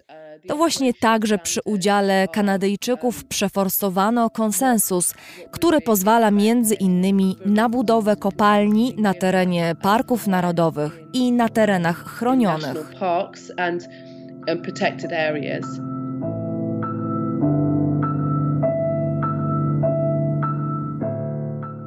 Na kontrowersyjne działania kanadyjskich firm w Hondurasie, ale także polityków, zwracają również uwagę Halile Garcia i Oscar Estrada. Industry is Canadian in Honduras, and and their politics not only. Większość firm wydobywczych w Hondurasie należy do Kanadyjczyków. I tu nie chodzi tylko o działania firm, ale także polityków. Kanadyjscy politycy wspierają od strony organizacyjnej i finansowej działania ich firm. Więc z jednej strony mamy ciągłe zapewnienia i PR-owy język, że dbamy o zrównoważony rozwój i o ochronę środowiska, no, we respect sustainable practices. Da, da, da, you know, and it's, it's very this very well nice discourse of, of of we have a very positive impact on the community.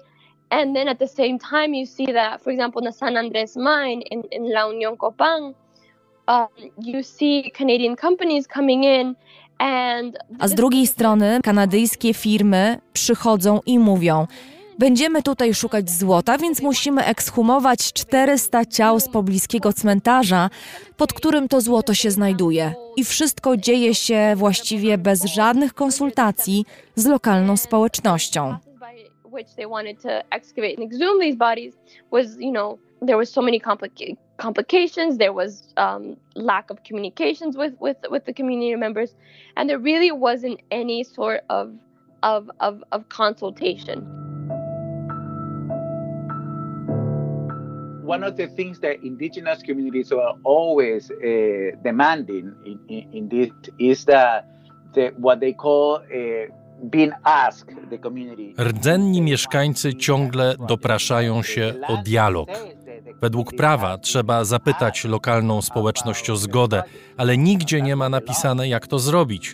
Zwykle dzieje się to więc tak, że burmistrz miasta czy wsi pyta w imieniu mieszkańców, czy chcą budowy kopalni. On też dostaje od firmy pieniądze, więc często odpowiedź brzmi tak. Inna sprawa, że ten kraj jest bardzo spolaryzowany I bardzo trudno jest uzyskać stuprocentową akceptację dla jakiegokolwiek projektu, więc jedynym sposobem zyskania pozwolenia jest naginanie prawa.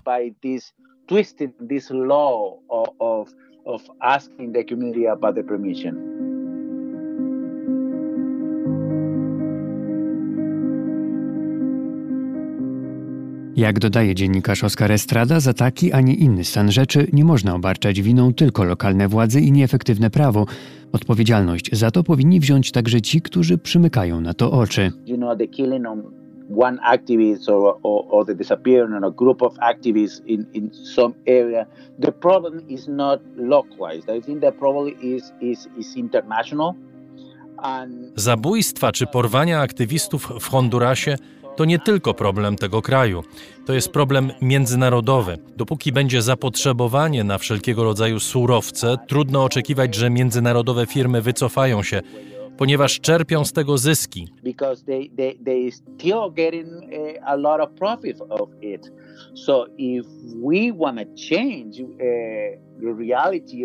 Żeby więc zmienić rzeczywistość i życie lokalnych społeczności, musimy zmienić sposób, w jaki wykorzystujemy zasoby naturalne. Podobnie jak w przypadku diamentów czy koltanu w Afryce. To potrzeby wielkiego świata często decydują o tym, że lokalny mafijny boss zabija aktywistę na drugim końcu globu. I wtedy to nie jest tylko decyzja tego lokalnego kapo, ale także żądanie Europy czy Stanów Zjednoczonych, które stworzyły warunki do tego zabójstwa.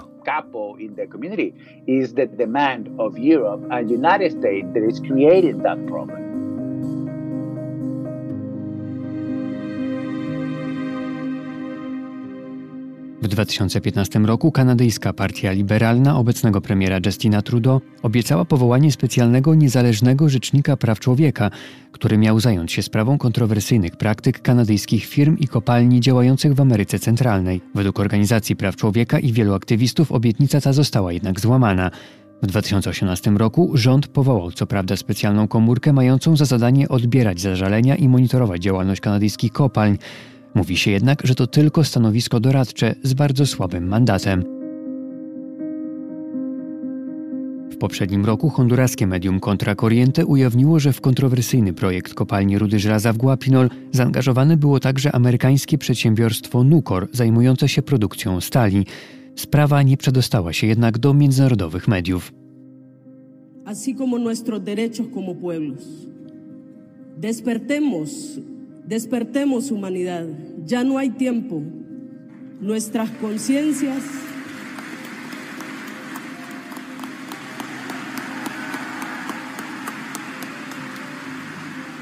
Dla raportu o stanie świata Adrian Bong.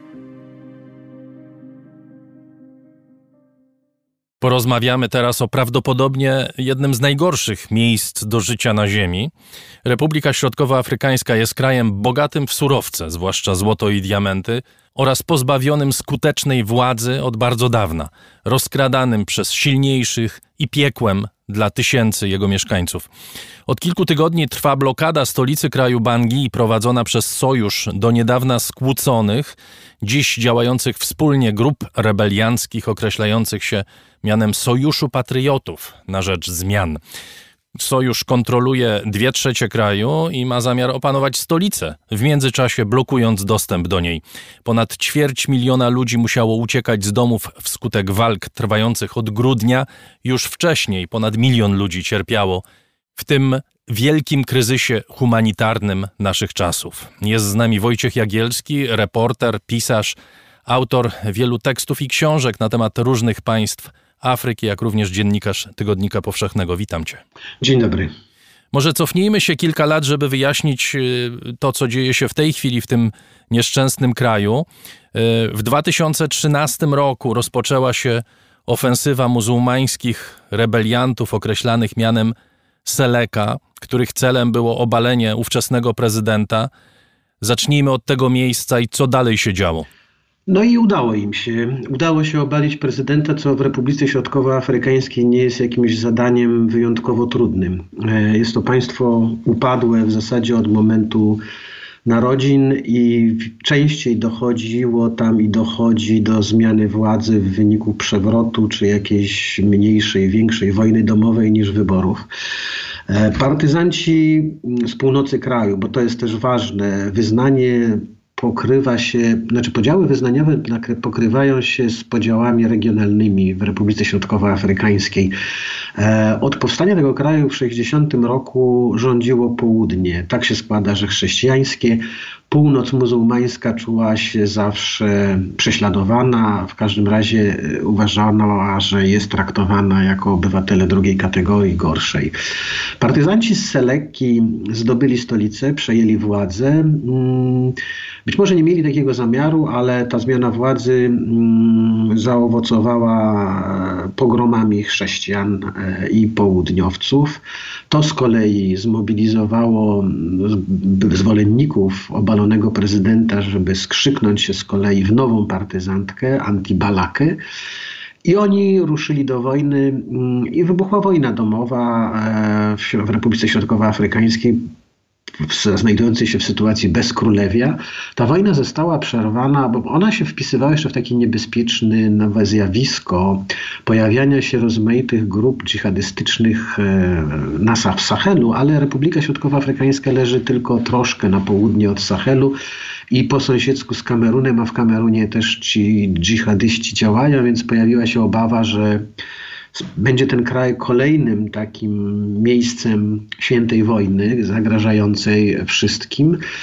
I wylądowali francuscy spadochroniarze, którzy przerwali tę wojnę e, ustanowili jakieś tymczasowe władze, mm, ale zajęci walką z dżihadystami, z dżihadystami w Sahelu, Francuzi wycofali się w końcu z Republiki Środkowoafrykańskiej, swojej dawnej kolonii ich miejsce zajęli Rosjanie i to oni są dzisiaj głównymi rozgrywającymi, jeśli idzie o politykę międzynarodową w Republice Środkowoafrykańskiej, ale także wojskowo. Oni są gwarantem bezpieczeństwa panującego prezydenta.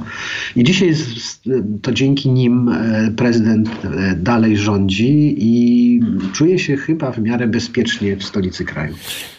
W międzyczasie w 2014 roku mieliśmy misję ONZ, mieliśmy teoretycznie w 2019 roku porozumienie.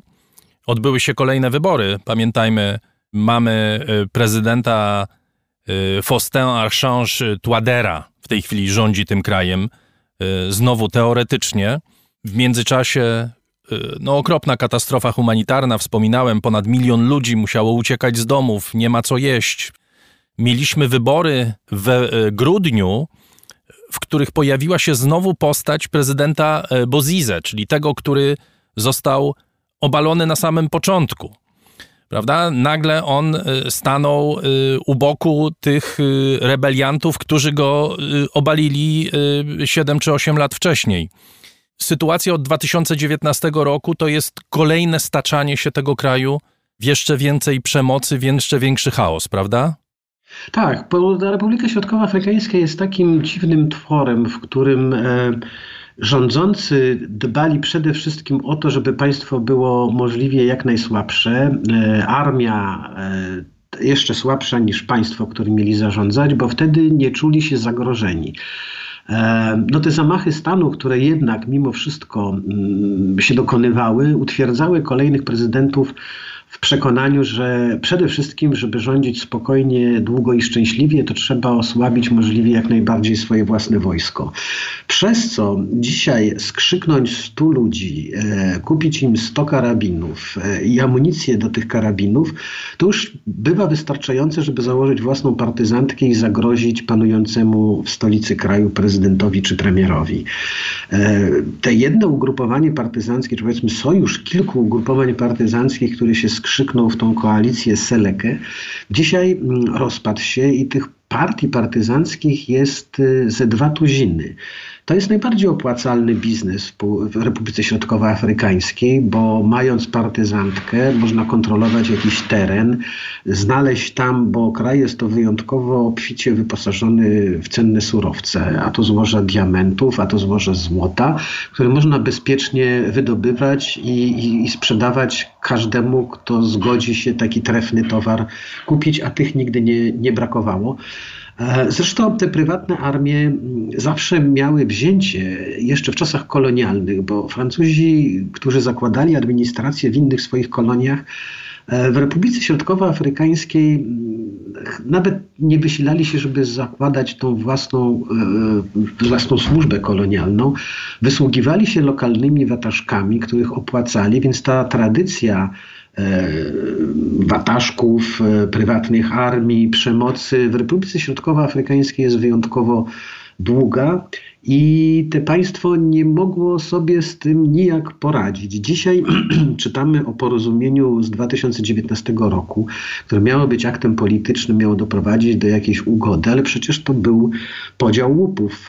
Prezydent dopuszczał do łupów tych, którzy sięgnęli po broń, więc to jest oczywiście przykład, który powinien zachęcić następnych rebeliantów, żeby z nimi też się podzielić. Jak I zachęcił. Zwykle, i zachęcił. Jak to zwykle podziel, przy podziale łupów e, nie wszyscy są zadowoleni. Zawsze znajdzie się jakiś pokrzywdzony, który nazwie się Sojuszem Patriotów, czy e, no, jakikolwiek inne równie wzniosłe imię przybierze, żeby walczyć. Zauważmy, że w Republice Środkowoafrykańskiej e, kompletnym milczeniem e, z kompletnym milczeniem spotykają się apele e, ONZ, rozmaitych organizacji starających się temu krajowi pomóc, by partyzantki przeradzały się w partie polityczne i stawały do wyborów. E, te partyzantki nie mają żadnego wsparcia ani wyznaniowego, ani etnicznego, e, ani regionalnego. Ludzie nienawidzą ich i w wyborach taka partyzantka nie zdobyła, zdobyłaby tylko tyle głosów, ilu ma żołnierzy. W związku z tym jest to pomysł według nich zupełnie chybiony, żeby z tak skutecznego mm, instrumentu e, przeradzać się w coś tak nieefektywnego jak partia polityczna. Oni tego nie zrobią i, i będą te rebelie wywoływać, a, a, a, a, tym bardziej i tym chętniej, że zapotrzebowanie na, na, na takie kraje upadłe, które można wyzyskiwać i wywozić stamtąd, e, co się chce, e, no nie maleje. To nie przypadkiem Rosja zainteresowała się Republiką Środkowoafrykańską wtedy, kiedy e, przestała się nią chwilowo interesować Francja. Rosja nie potrzebuje eksportować jak kiedyś komunizmu do Afryki. Średnio chyba też zainteresowana jest kolejnym głosem w Zgromadzeniu Ogólnym Narodów Zjednoczonych. Natomiast E, owszem, już jest zainteresowana złotem, e, diamentami, uranem, które tam można wydobywać, to wszystko są działania prywatnych grup, e, które są związane z Kremlem. I jedną z takich grup jest przecież ten koncern czy, czy, czy prywatna firma mm, Wagnera, która zajmuje się i wojaczką, a jednocześnie jest taką, takim współczesnym plemieniem zbieracko-łowieckim, bo, bo, bo łowi i zbiera chętnie wszystko, co wpada jej w ręce i sprzedaje na wolnym rynku, całkowicie legalnie zresztą, a w zamian świadczy te właśnie usługi ochroniarskie, zapewnia bezpieczeństwo na przykład prezydentowi Tuaderzy. Mamy y, sytuację, jeszcze wspomnijmy, od 2014 roku, tą misję ONZ. Wspomniałeś o wojskach francuskich, o wojskach rosyjskich. Są Rwandyjczycy, którzy y, tak samo próbują jakoś opanowywać tą sytuację, ale to jest taka fasadowa obecność, to znaczy wszyscy robią swoje interesy, jak rozumiem, prawda? Tak, i ta misja ONZ-u jest y, słabiutka. No zresztą mm, zwykle bardzo chętnie pokazujemy palcem jako winnego na Organizację Narodów Zjednoczonych, a ONZ to jesteśmy my. ONZ to jest obraz tego świata, który sami tworzymy. Gdyby, y, gdybyśmy chcieli, my mówię jako wspólnota międzynarodowa, dać e, ONZ, to e, Organizacji Narodów Zjednoczonych większe uprawnienia, to byśmy dali, a jak nie daliśmy, no to nie możemy narzekać, że jest bezradna, a jest bezradna, bo nie ma pieniędzy, e, chętnych do wojsk pokojowych też brakuje. Te wojska pokojowe zresztą składające się z żołnierzy z rozmaitych krajów, nie mają, tra, raczej zawsze traktują te misje zarobkowo niż misyjnie. Um, I przede wszystkim na drodze jakimkolwiek, jakiejkolwiek działalności pokojowej no stoją te partykularne interesy także państw, które w tej misji ONZ-owskiej uczestniczą, jak chociażby e, Rwanda. Wojsko rwandyjskie od lat e, cechuje się gotowością i skutecznością najazdów na bogatszych w surowce mineralne sąsiadów, łupienia ich i zabierania łupów do siebie. W latach 90. i na początku XXI wieku wieku. Obiektem zainteresowania Rwandyjczyków było Kongo, wschodnie Kongo. E, tam też oczywiście chodziło też o sprawy polityczne, ale przy okazji rabunek poszedł na niewyobrażalną skalę i rozsmakowawszy się w tego rodzaju działalności, no trudno przestać, skoro ona przynosi tak wielkie zyski. Nie mówię tu o rządzie rwandyjskim, ale generałowie myślę, że, że bardzo chętnie ponawiają próby mm, zrobienia czegoś tak skutecznego. Dzisiaj właśnie przyszła informacja, przeczytałem bodajże w BBC, że właśnie Rwandyjczykom i Rosjanom udało się e, odbić z rąk rebeliantów jedno z przejść granicznych do Kamerunu, dzięki czemu no, stolicy kraju, Bangi, jedynego, jedynemu wielkiemu miastu w zasadzie w Republice Środkowoafrykańskiej, przynajmniej przez jakiś czas te widmo głodu i oblężenia przestanie mm, zaglądać w oczy, ale to, to, to też pewnie jest tylko chwilowe. No właśnie, y, jeszcze porozmawiajmy na temat przyszłości, bo strategią rebeliantów było zagłodzenie miasta. Jak rozumiem, zdobycie go, przejęcie władzy. Mówisz o tym, że to nie jest jakaś skomplikowana historia, chociaż być może w sytuacji, w której prezydenta chronią wojska rosyjskie, chronią wojska rwandyjskie, to może być trudniejsze, ale w Bangi kilo mąki kosztuje 100 dolarów.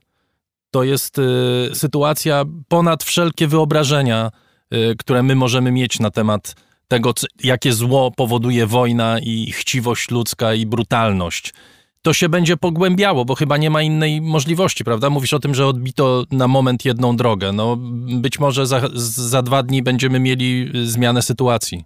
Być może jak skończymy tą rozmowę, to się okaże, że tą drogę kontroluje już ktoś inny. Mm, tak, oczywiście, nam w ogóle trudno wyobrazić sobie, że może istnieć państwo, w którym y, państwo, które aż tak bardzo nie działa.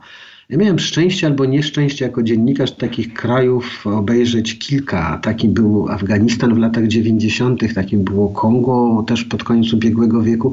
Republika Środkowo Środkowoafrykańska to jest państwo, które scedowało wszystkie swoje funkcje i obowiązki na rozmaitego rodzaju organizacje dobroczynne. E, prezydenci kolejni bali się wojska, w związku z tym odbierali swojemu wojsku amunicję i karabiny. Przez to pojawiały się te rozmaite prywatne armie, drużyny, królowała przemoc i, ta przemoc okazywała się zawsze najskuteczniejszym sposobem zdobywania tego, co jeden czy drugi polityk chciał. Wybory te wybory w 2016 roku, dzięki którym e, do władzy doszedł e, prezydent Tuadera, to były dopiero drugie wybory, jakie zorganizowano w Republice Środkowoafrykańskiej od 1960 roku. E, no to też pokazuje e, skalę nieporządku w tym kraju, ale wybory wyborami, ale rzeczywiście jedna piąta ludzi jest uchodźcami we własnym kraju. Drożyzna, która panuje w stolicy, a to jest jedyne chyba porządnie zaopatrzone miasto, czy jest w ogóle połączone e, ze światem zewnętrznym, no grozi, grozi głodem, ale o tym głodzie słyszymy też z Etiopii, słyszymy z południowego Sudanu, kolejnego takiego upadłego kraju, który nie może sobie poradzić z samodzielnym istnieniem, odkąd ogłosił niepodległość 10 lat temu. I trudno mieć nadzieję, że cokolwiek w Republice Środkowoafrykańskiej szybko się zmieni. Zaprowadzić pokój to znaczy dopuścić do, do władzy rebeliantów. E, jeżeli ich się dopuści, to frajerami byliby ci, którzy nie wywołaliby nowych rebelii, bo, bo, bo w ten sposób można jakieś choćby dyrektorskie stanowisko mm, uzyskać. No więc trudno być tutaj e, a jedyna nadzieja, czy jedynej pociechy mieszkańcy tego kraju, szukają u zagranicznych organizacji dobroczynnych, które przyjeżdżają z żywnością, z lekarstwami i, i w jakiś sposób ratują mieszkańców tego nieszczęsnego kraju przed taką już nędzą okrutną i, no i głodem. Bardzo dziękuję. Wojciech Jagielski, reporter Tygodnika Powszechnego, pisarz, autor wielu książek na temat Afryki, był gościem raportu o stanie świata. Dziękuję bardzo.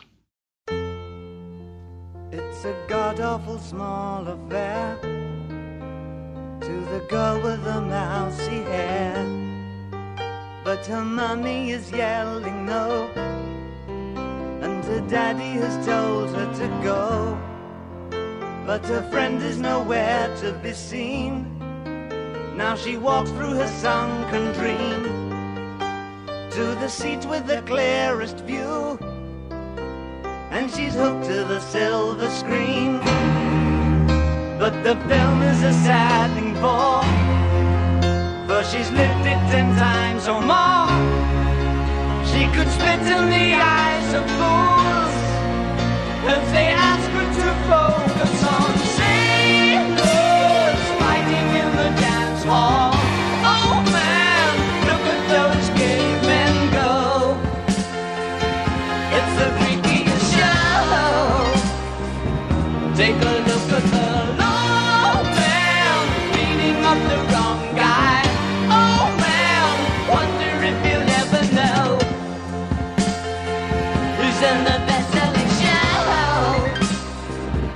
Is their life on Mars?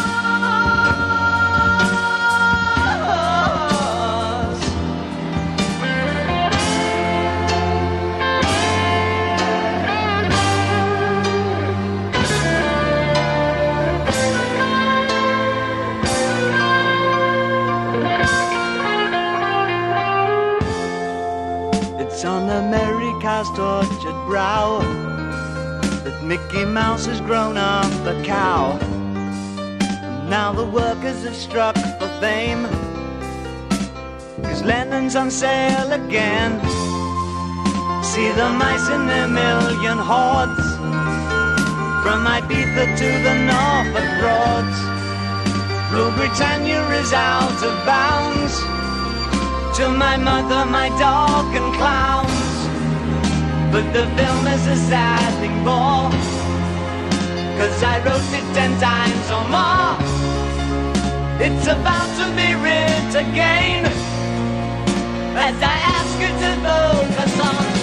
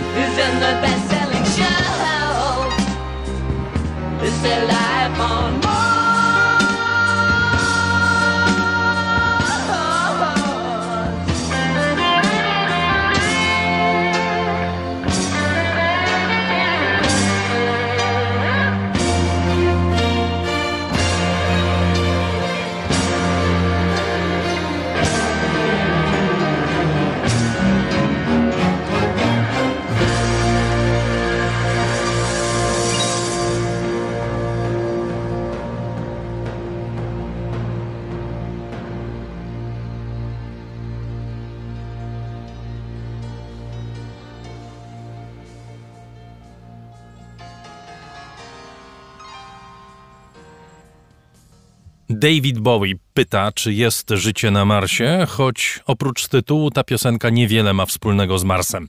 Co nie przeszkadza nam spotkać się z osobą, która śledzi to, co dzieje się na czerwonej planecie.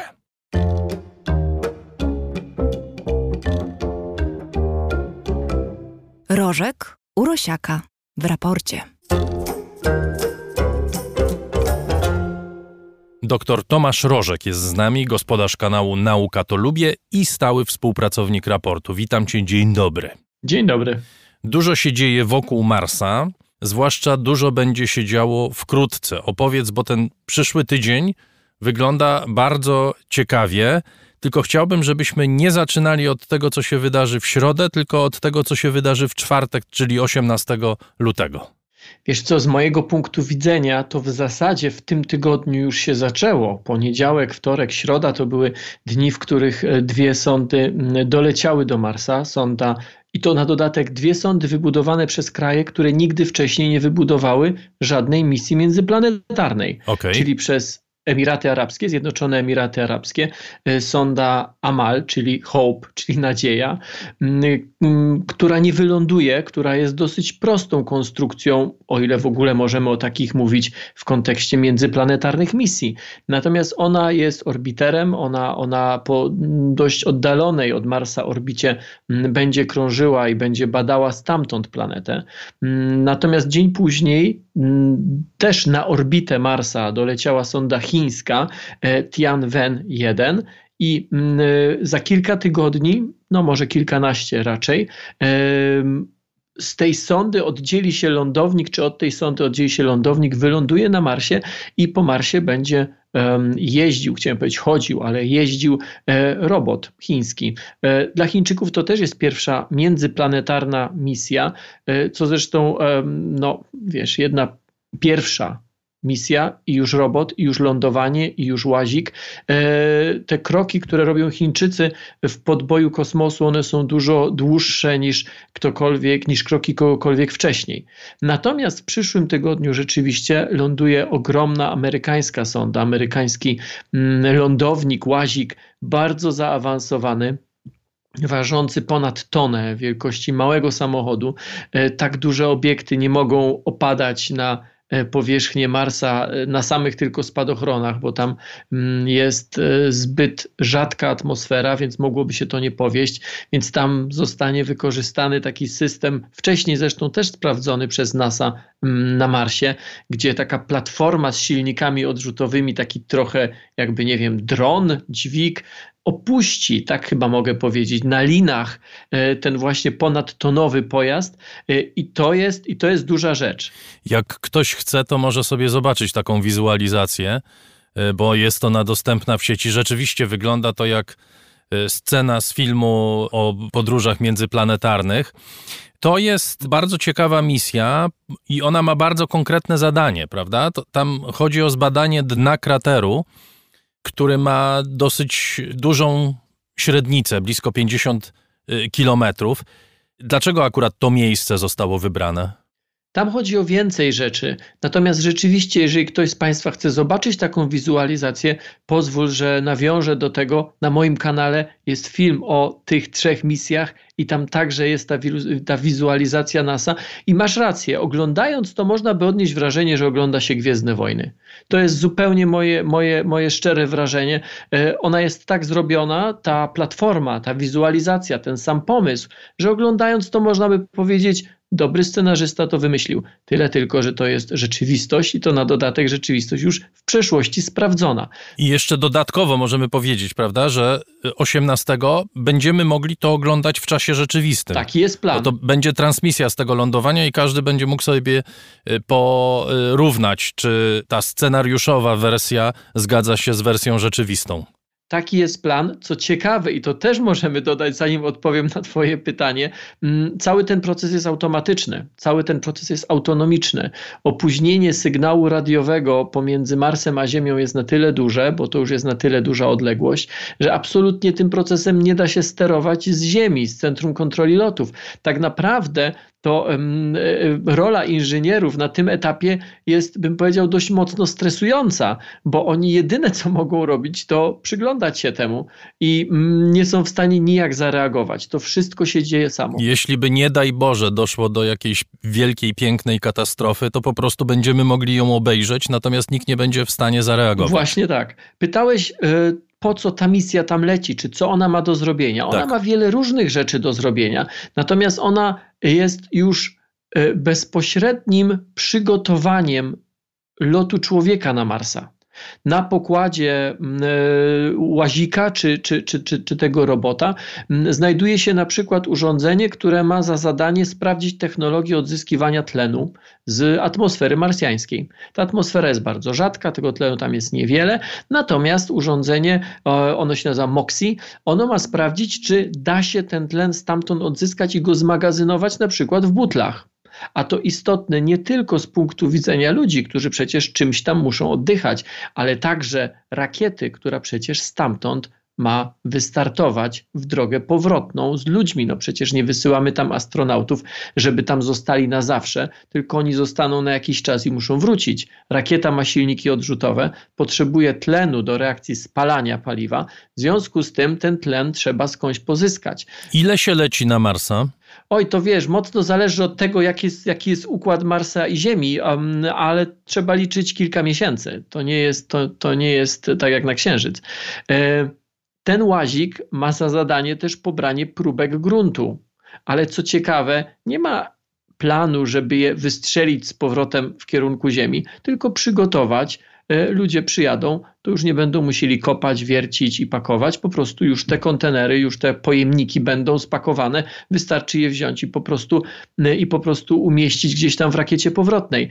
E, ten łazik ma także za zadanie sprawdzenie, czy w atmosferze Marsa można w ogóle latać nie opadać, nie osiadać, nie lądować na powiedzmy jakichś spadochronach, tylko aktywnie latać. Na jego, e, w konstrukcji tego łazika jest dron, taki helikopter e, i jeżeli on wystartuje, jeżeli on, jeżeli on będzie e, mógł tam latać w tej rzadkiej atmosferze, to będzie pierwszy przypadek, kiedy mm, coś wykonanego ręką człowieka lata w atmosferze obcej planety. Mówisz, Tomku, o tych trzech misjach, które w tej chwili mają miejsce.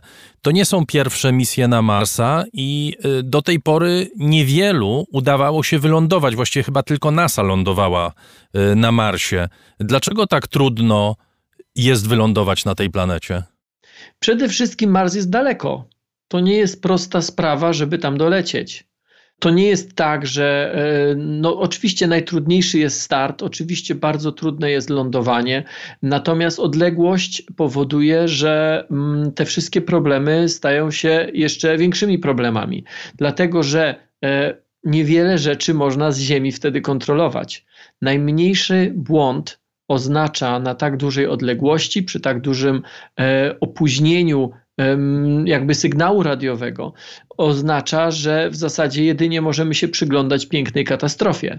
I w przeszłości tak było, począwszy od błędów naprawdę takich no, bardzo zaawansowanych, gdzie, gdzie no, trudno się dziwić, że, że na początku jakiegoś procesu, jakiejś technologii popełniamy te błędy, ale skończywszy na błędach wyjątkowo głupich, za które mm, no, uczeń w szkole by pewnie dostał pałę y, z fizyki na kartkówce, czyli na przykład pomylenie jednostek. Był taki przypadek, gdzie część, części do silników hamujących były zamawiane w Wielkiej Brytanii, misja była europejska, mm, tam są inne jednostki. Ktoś nie przeliczył i nagle silniki zaczęły hamować mniej niż powinny i mm, no mówiłeś o kraterze, więc myślę, że tam też jest taki mały krater, bo lądownik zamiast osiąść po prostu walnął o glebę, o, o powierzchnię Marsa i nic z niego nie zostało. Natomiast y, tak, y, tych misji tam jest sporo. Wiemy o tej planecie coraz więcej. E, teraz na Marsie pracują e, dwa łaziki, dwa roboty: amerykański Curiosity i europejski Insight. Mm, e, za chwilkę w maju będzie chiński, ten, który właśnie tam dotarł. Za chwilkę w przyszłym tygodniu dociera misja amerykańska. W przyszłym roku zgodnie z planem do mm, Marsa, mm, czy ma zostać wystrzelona z Ziemi misja europejsko-rosyjska, e, także z robotem i także e, z lądownikiem, więc w pewnym momencie na Marsie może się okazać, że na Marsie będzie pracowało pięć różnych robotów i helikopter. Czy to jest w miarę nieźle już poznana przez nas planeta? Czy tam ciągle jest bardzo wiele rzeczy do odkrycia i no znowu to sakramentalne pytanie, co jest na końcu, to znaczy, co jest celem tych badań? Yy, najpierw odpowiem na pierwsze pytanie. Wydaje się, że Marsa znamy lepiej niż dno ziemskich oceanów i mórz bo jest łatwiej go zbadać po prostu. Co nie znaczy oczywiście, że wiemy o tej planecie wszystko. Ona ma wiele jeszcze tajemnic. Y, szukamy wody, między innymi chińska misja, ta, która właśnie tam dotarła, Tianwen, ona za zadanie ma poszukiwanie zamrożonej pod powierzchnią gruntu wody. Niezwykle istotna rzecz. No ten krater, który ma zbadać Perseverance, czyli ten łazik nazywa, w tym kraterze podobno kiedyś było jezioro, prawda? Kilka miliardów lat temu, być może zbiornik wodny. jeżeli miałoby gdzieś być, to właśnie tam. Jeżeli tam było jezioro, to na jego dnie, czyli właśnie w tym miejscu, gdzie, gdzie amerykański Perseverance będzie jeździł, będzie e, fotografował, będzie pobierał próbki, przeprowadzał różne inne badania. Mm, to jest w ogóle bardzo, bardzo skomplikowany sprzęt. Perseverance ma na swoim, e, na swoim pokładzie 23 różnego rodzaju kamery tylko kamery. Ja, ja, ja nie mówię o, o, o, innych urządzeniach badawczych. To jest po prostu ogromne laboratorium naszpikowane elektroniką, e, mogące badać, jeździć, fotografować, filmować, mogące niemalże wszystko, a nawet, tak jak mówię, mające swój helikopter, który jeżeli się wzniesie, to będzie w stanie pokonywać nieporównywalnie większe dystanse niż e, łazik na kółkach i będzie mógł robić zupełnie, znaczy zdjęcia, badania, które są zupełnie nieosiągalne dla czegoś, czegoś, co porusza się po gruncie. Mm, więc e, jeżeli e, tam była woda, to powinny być charakterystyczne skały osadowe. My czasami widzimy wodę na Marsie, bo na Marsie, na równiku marsjańskim, jak jest dobra pogoda, to temperatura osiąga mniej więcej plus 20 stopni Celsjusza, więc tam jest całkiem ciepło. I wtedy czasami na tych południowych stokach widać wypływający strumyczek on wypływa, widać to na zdjęciach. Są zdjęcia na przykład z wczoraj i z dzisiaj. Wczoraj było gładko, a dzisiaj coś tam ciemnego wypływa sobie.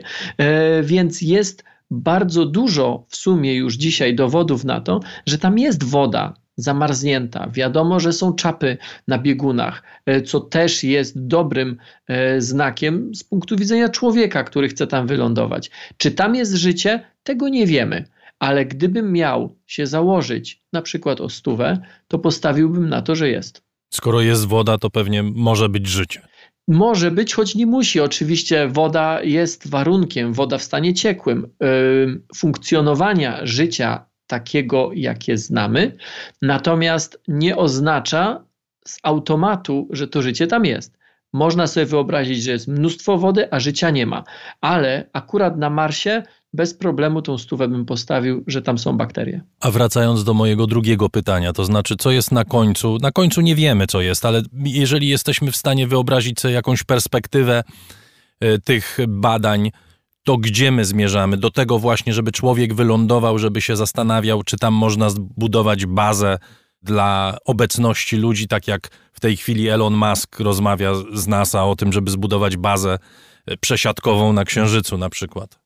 Wiesz co, odpowiedź na Twoje pytanie mocno zależy od perspektywy czasowej. Jeżeli mówimy o najbliższych latach, to tak, celem jest oczywiście poznawanie cały czas planety, um, próba rekonstrukcji tego, co było na niej kilka miliardów lat temu, próba odpowiedzi czy znalezienia odpowiedzi na pytanie, jak ten Mars wyglądał i co się takiego zadziało, że wygląda dzisiaj zupełnie inaczej. Natomiast e, oczywiście także e, lot człowieka, człowieka, wylądowanie człowieka, wybudowanie tam bazy. E, to jest ta perspektywa kilku lat, ale jak ja próbuję sobie budować analogię pomiędzy różnymi odkryciami, powiedzmy geograficznymi, no bo myślę, że, że e, zdobycie Marsa jest, e, możemy właśnie do takich odkryć geograficznych zaliczyć, mm, i próbuję sobie to porównać na przykład do misji odkrywającej Amerykę. To różnica jest taka, że wydaje mi się, że Kolumb i jego ludzie e, podróżując do Ameryki, dla nich to nie było wyzwanie technologiczne. Dla nich oczywiście to był problem finansowy. No, musieli mieć Izabelę Kastylijską, która z tych pieniędzy po prostu no, te pieniądze da. E, dla nich to na pewno było ogromne wyzwanie takie czysto ludzkie, wytrzymałość, psychika, tak? No, płyniemy tam naprawdę długo, a przecież całkiem spora część z nich uważała, że za chwilę skończy się ziemia i gdzieś spadną. Natomiast dzisiaj e, Natomiast obietnicą było to, że jak tam dotrzemy, to będą bogactwa. Dzisiaj jest troszkę inaczej. Bogactwa są z samego faktu, że budujemy statek, który tam doleci. Innymi słowy, to, czy tam wyląduje człowiek, to, czy tam wybudujemy stałą bazę, stałą kolonię, może kiedyś miasto, to mówimy teraz o, tych o tej dłuższej perspektywie, mm, albo zasiedlimy w ogóle, w ogóle Marsa, e, to, to, to da być może pieniądze czy jakieś tam inne zyski, ale nie po to się to robi. Pieniądze są z samego faktu, dlatego na przykład Arabia Saudyjska buduje, buduje sobie misję, dlatego że jeżeli ktoś opanuje technologię, jeżeli wykształci inżynierów, którzy są w stanie wybudować misję planetarną, to już samego tego faktu już zarabia na wiedzy, na przemyśle y, kosmicznym, na wykorzystaniu tych patentów tutaj na Ziemi i tak dalej, i tak dalej. Rzadko patrzymy niestety w Polsce na to w ten sposób. Zastanawiamy się, no ale po co oni to robią? Nie ma znaczenia, czy oni to osiągną i kiedy to osiągną. Znaczenie ma to, że próbując, uczą się. Pewnie dlatego ten wyścig czy obecność ludzi w przestrzeni kosmicznej y, staje się coraz częstsza i coraz bardziej wyraźna.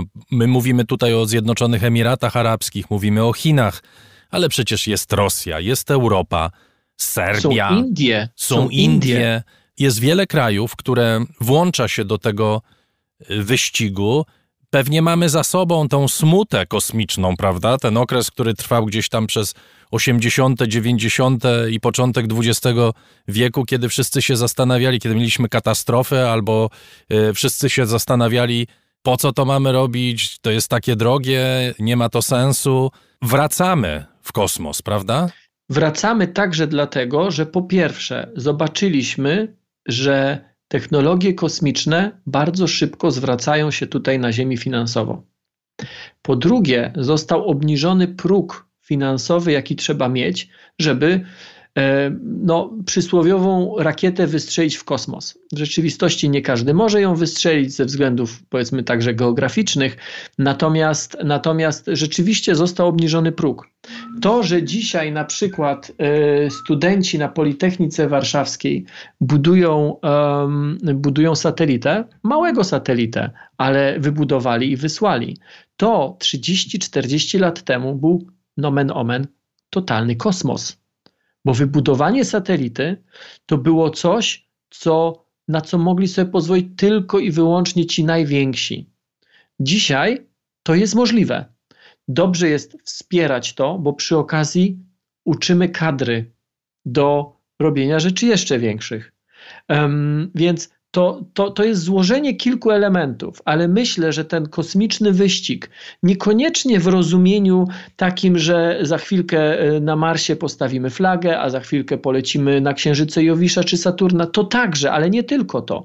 Kosmiczny wyścig w ogóle, czyli inwestowanie w technologie kosmiczne, to jest um, coś, co dopiero się rozpędza i to jest coś, co już dzisiaj wiemy, jest doskonałą lokatą kapitału. Mało rzeczy tak szybko się zwraca jak technologie kosmiczne. Niestety musimy tutaj skończyć. Jest cały jeden temat, który zostawiamy sobie na później, to znaczy temat smutny niestety, ale prawdziwy, ale musimy go kiedyś poruszyć. To znaczy, no to się wszystko dzieje oczywiście w kontekście militarnym również, prawda? To znaczy te loty, te badania wykorzystywane są w celach militarnych. I tu już się pojawia kwestia geopolityki w kosmosie, prawda? Niezwykle ciekawa i zajmująca pewnie w najbliższych latach i dekadach, ale tak jak mówię, zostawiamy sobie to na inną okazję. Dziękuję bardzo. Bardzo dziękuję i bardzo chętnie do tego tematu wrócę, o którym ty wspomniałeś, dlatego że ja aż tak w czarnych kolorach tego nie widzę. Super, bardzo się cieszę. Optymistycznie porozmawiamy o rozwoju zbrojeń w kosmosie przy najbliższej okazji. Dr Tomasz Rożek był z nami, gospodarz kanału Nauka to Lubię, stały współpracownik raportu o stanie świata. Bardzo dziękuję.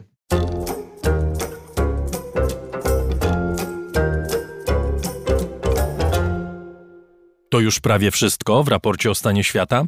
Przypominam Państwu, że możecie nas słuchać w trzech odsłonach. Szczególnie polecam lutowy raport o książkach, którego głównym bohaterem jest Stanisław Lem i jego twórczość. Polecam naszą tegoroczną playlistę na Spotify, raport Rosiaka i jego muzyka 2021. Tam wszystkie utwory muzyczne, które pojawiają się w naszym programie. Przede wszystkim zachęcam do słuchania nas w każdej ilości, w każdym miejscu i o każdej porze. To wszystko jest możliwe dzięki Państwu, naszym patronom. Z serca dziękuję za wszystkie wpłaty, a jeśli ktoś chciałby dołączyć, zachęcam do odwiedzenia strony patronite.pl. Tam znajduje się moje konto i za jego pośrednictwem najłatwiej wesprzeć raport o stanie świata. Agata Kasprolewicz, Chris Wawrzak, Dariusz Rosiak, dziękujemy za dziś. Zapraszamy na kolejny program w środę. Na koniec jeszcze chwila z wielkim pianistą. Odszedł od nas Chick Corea, gigant fortepianu jazzowego i nie tylko. Muzyka zostaje.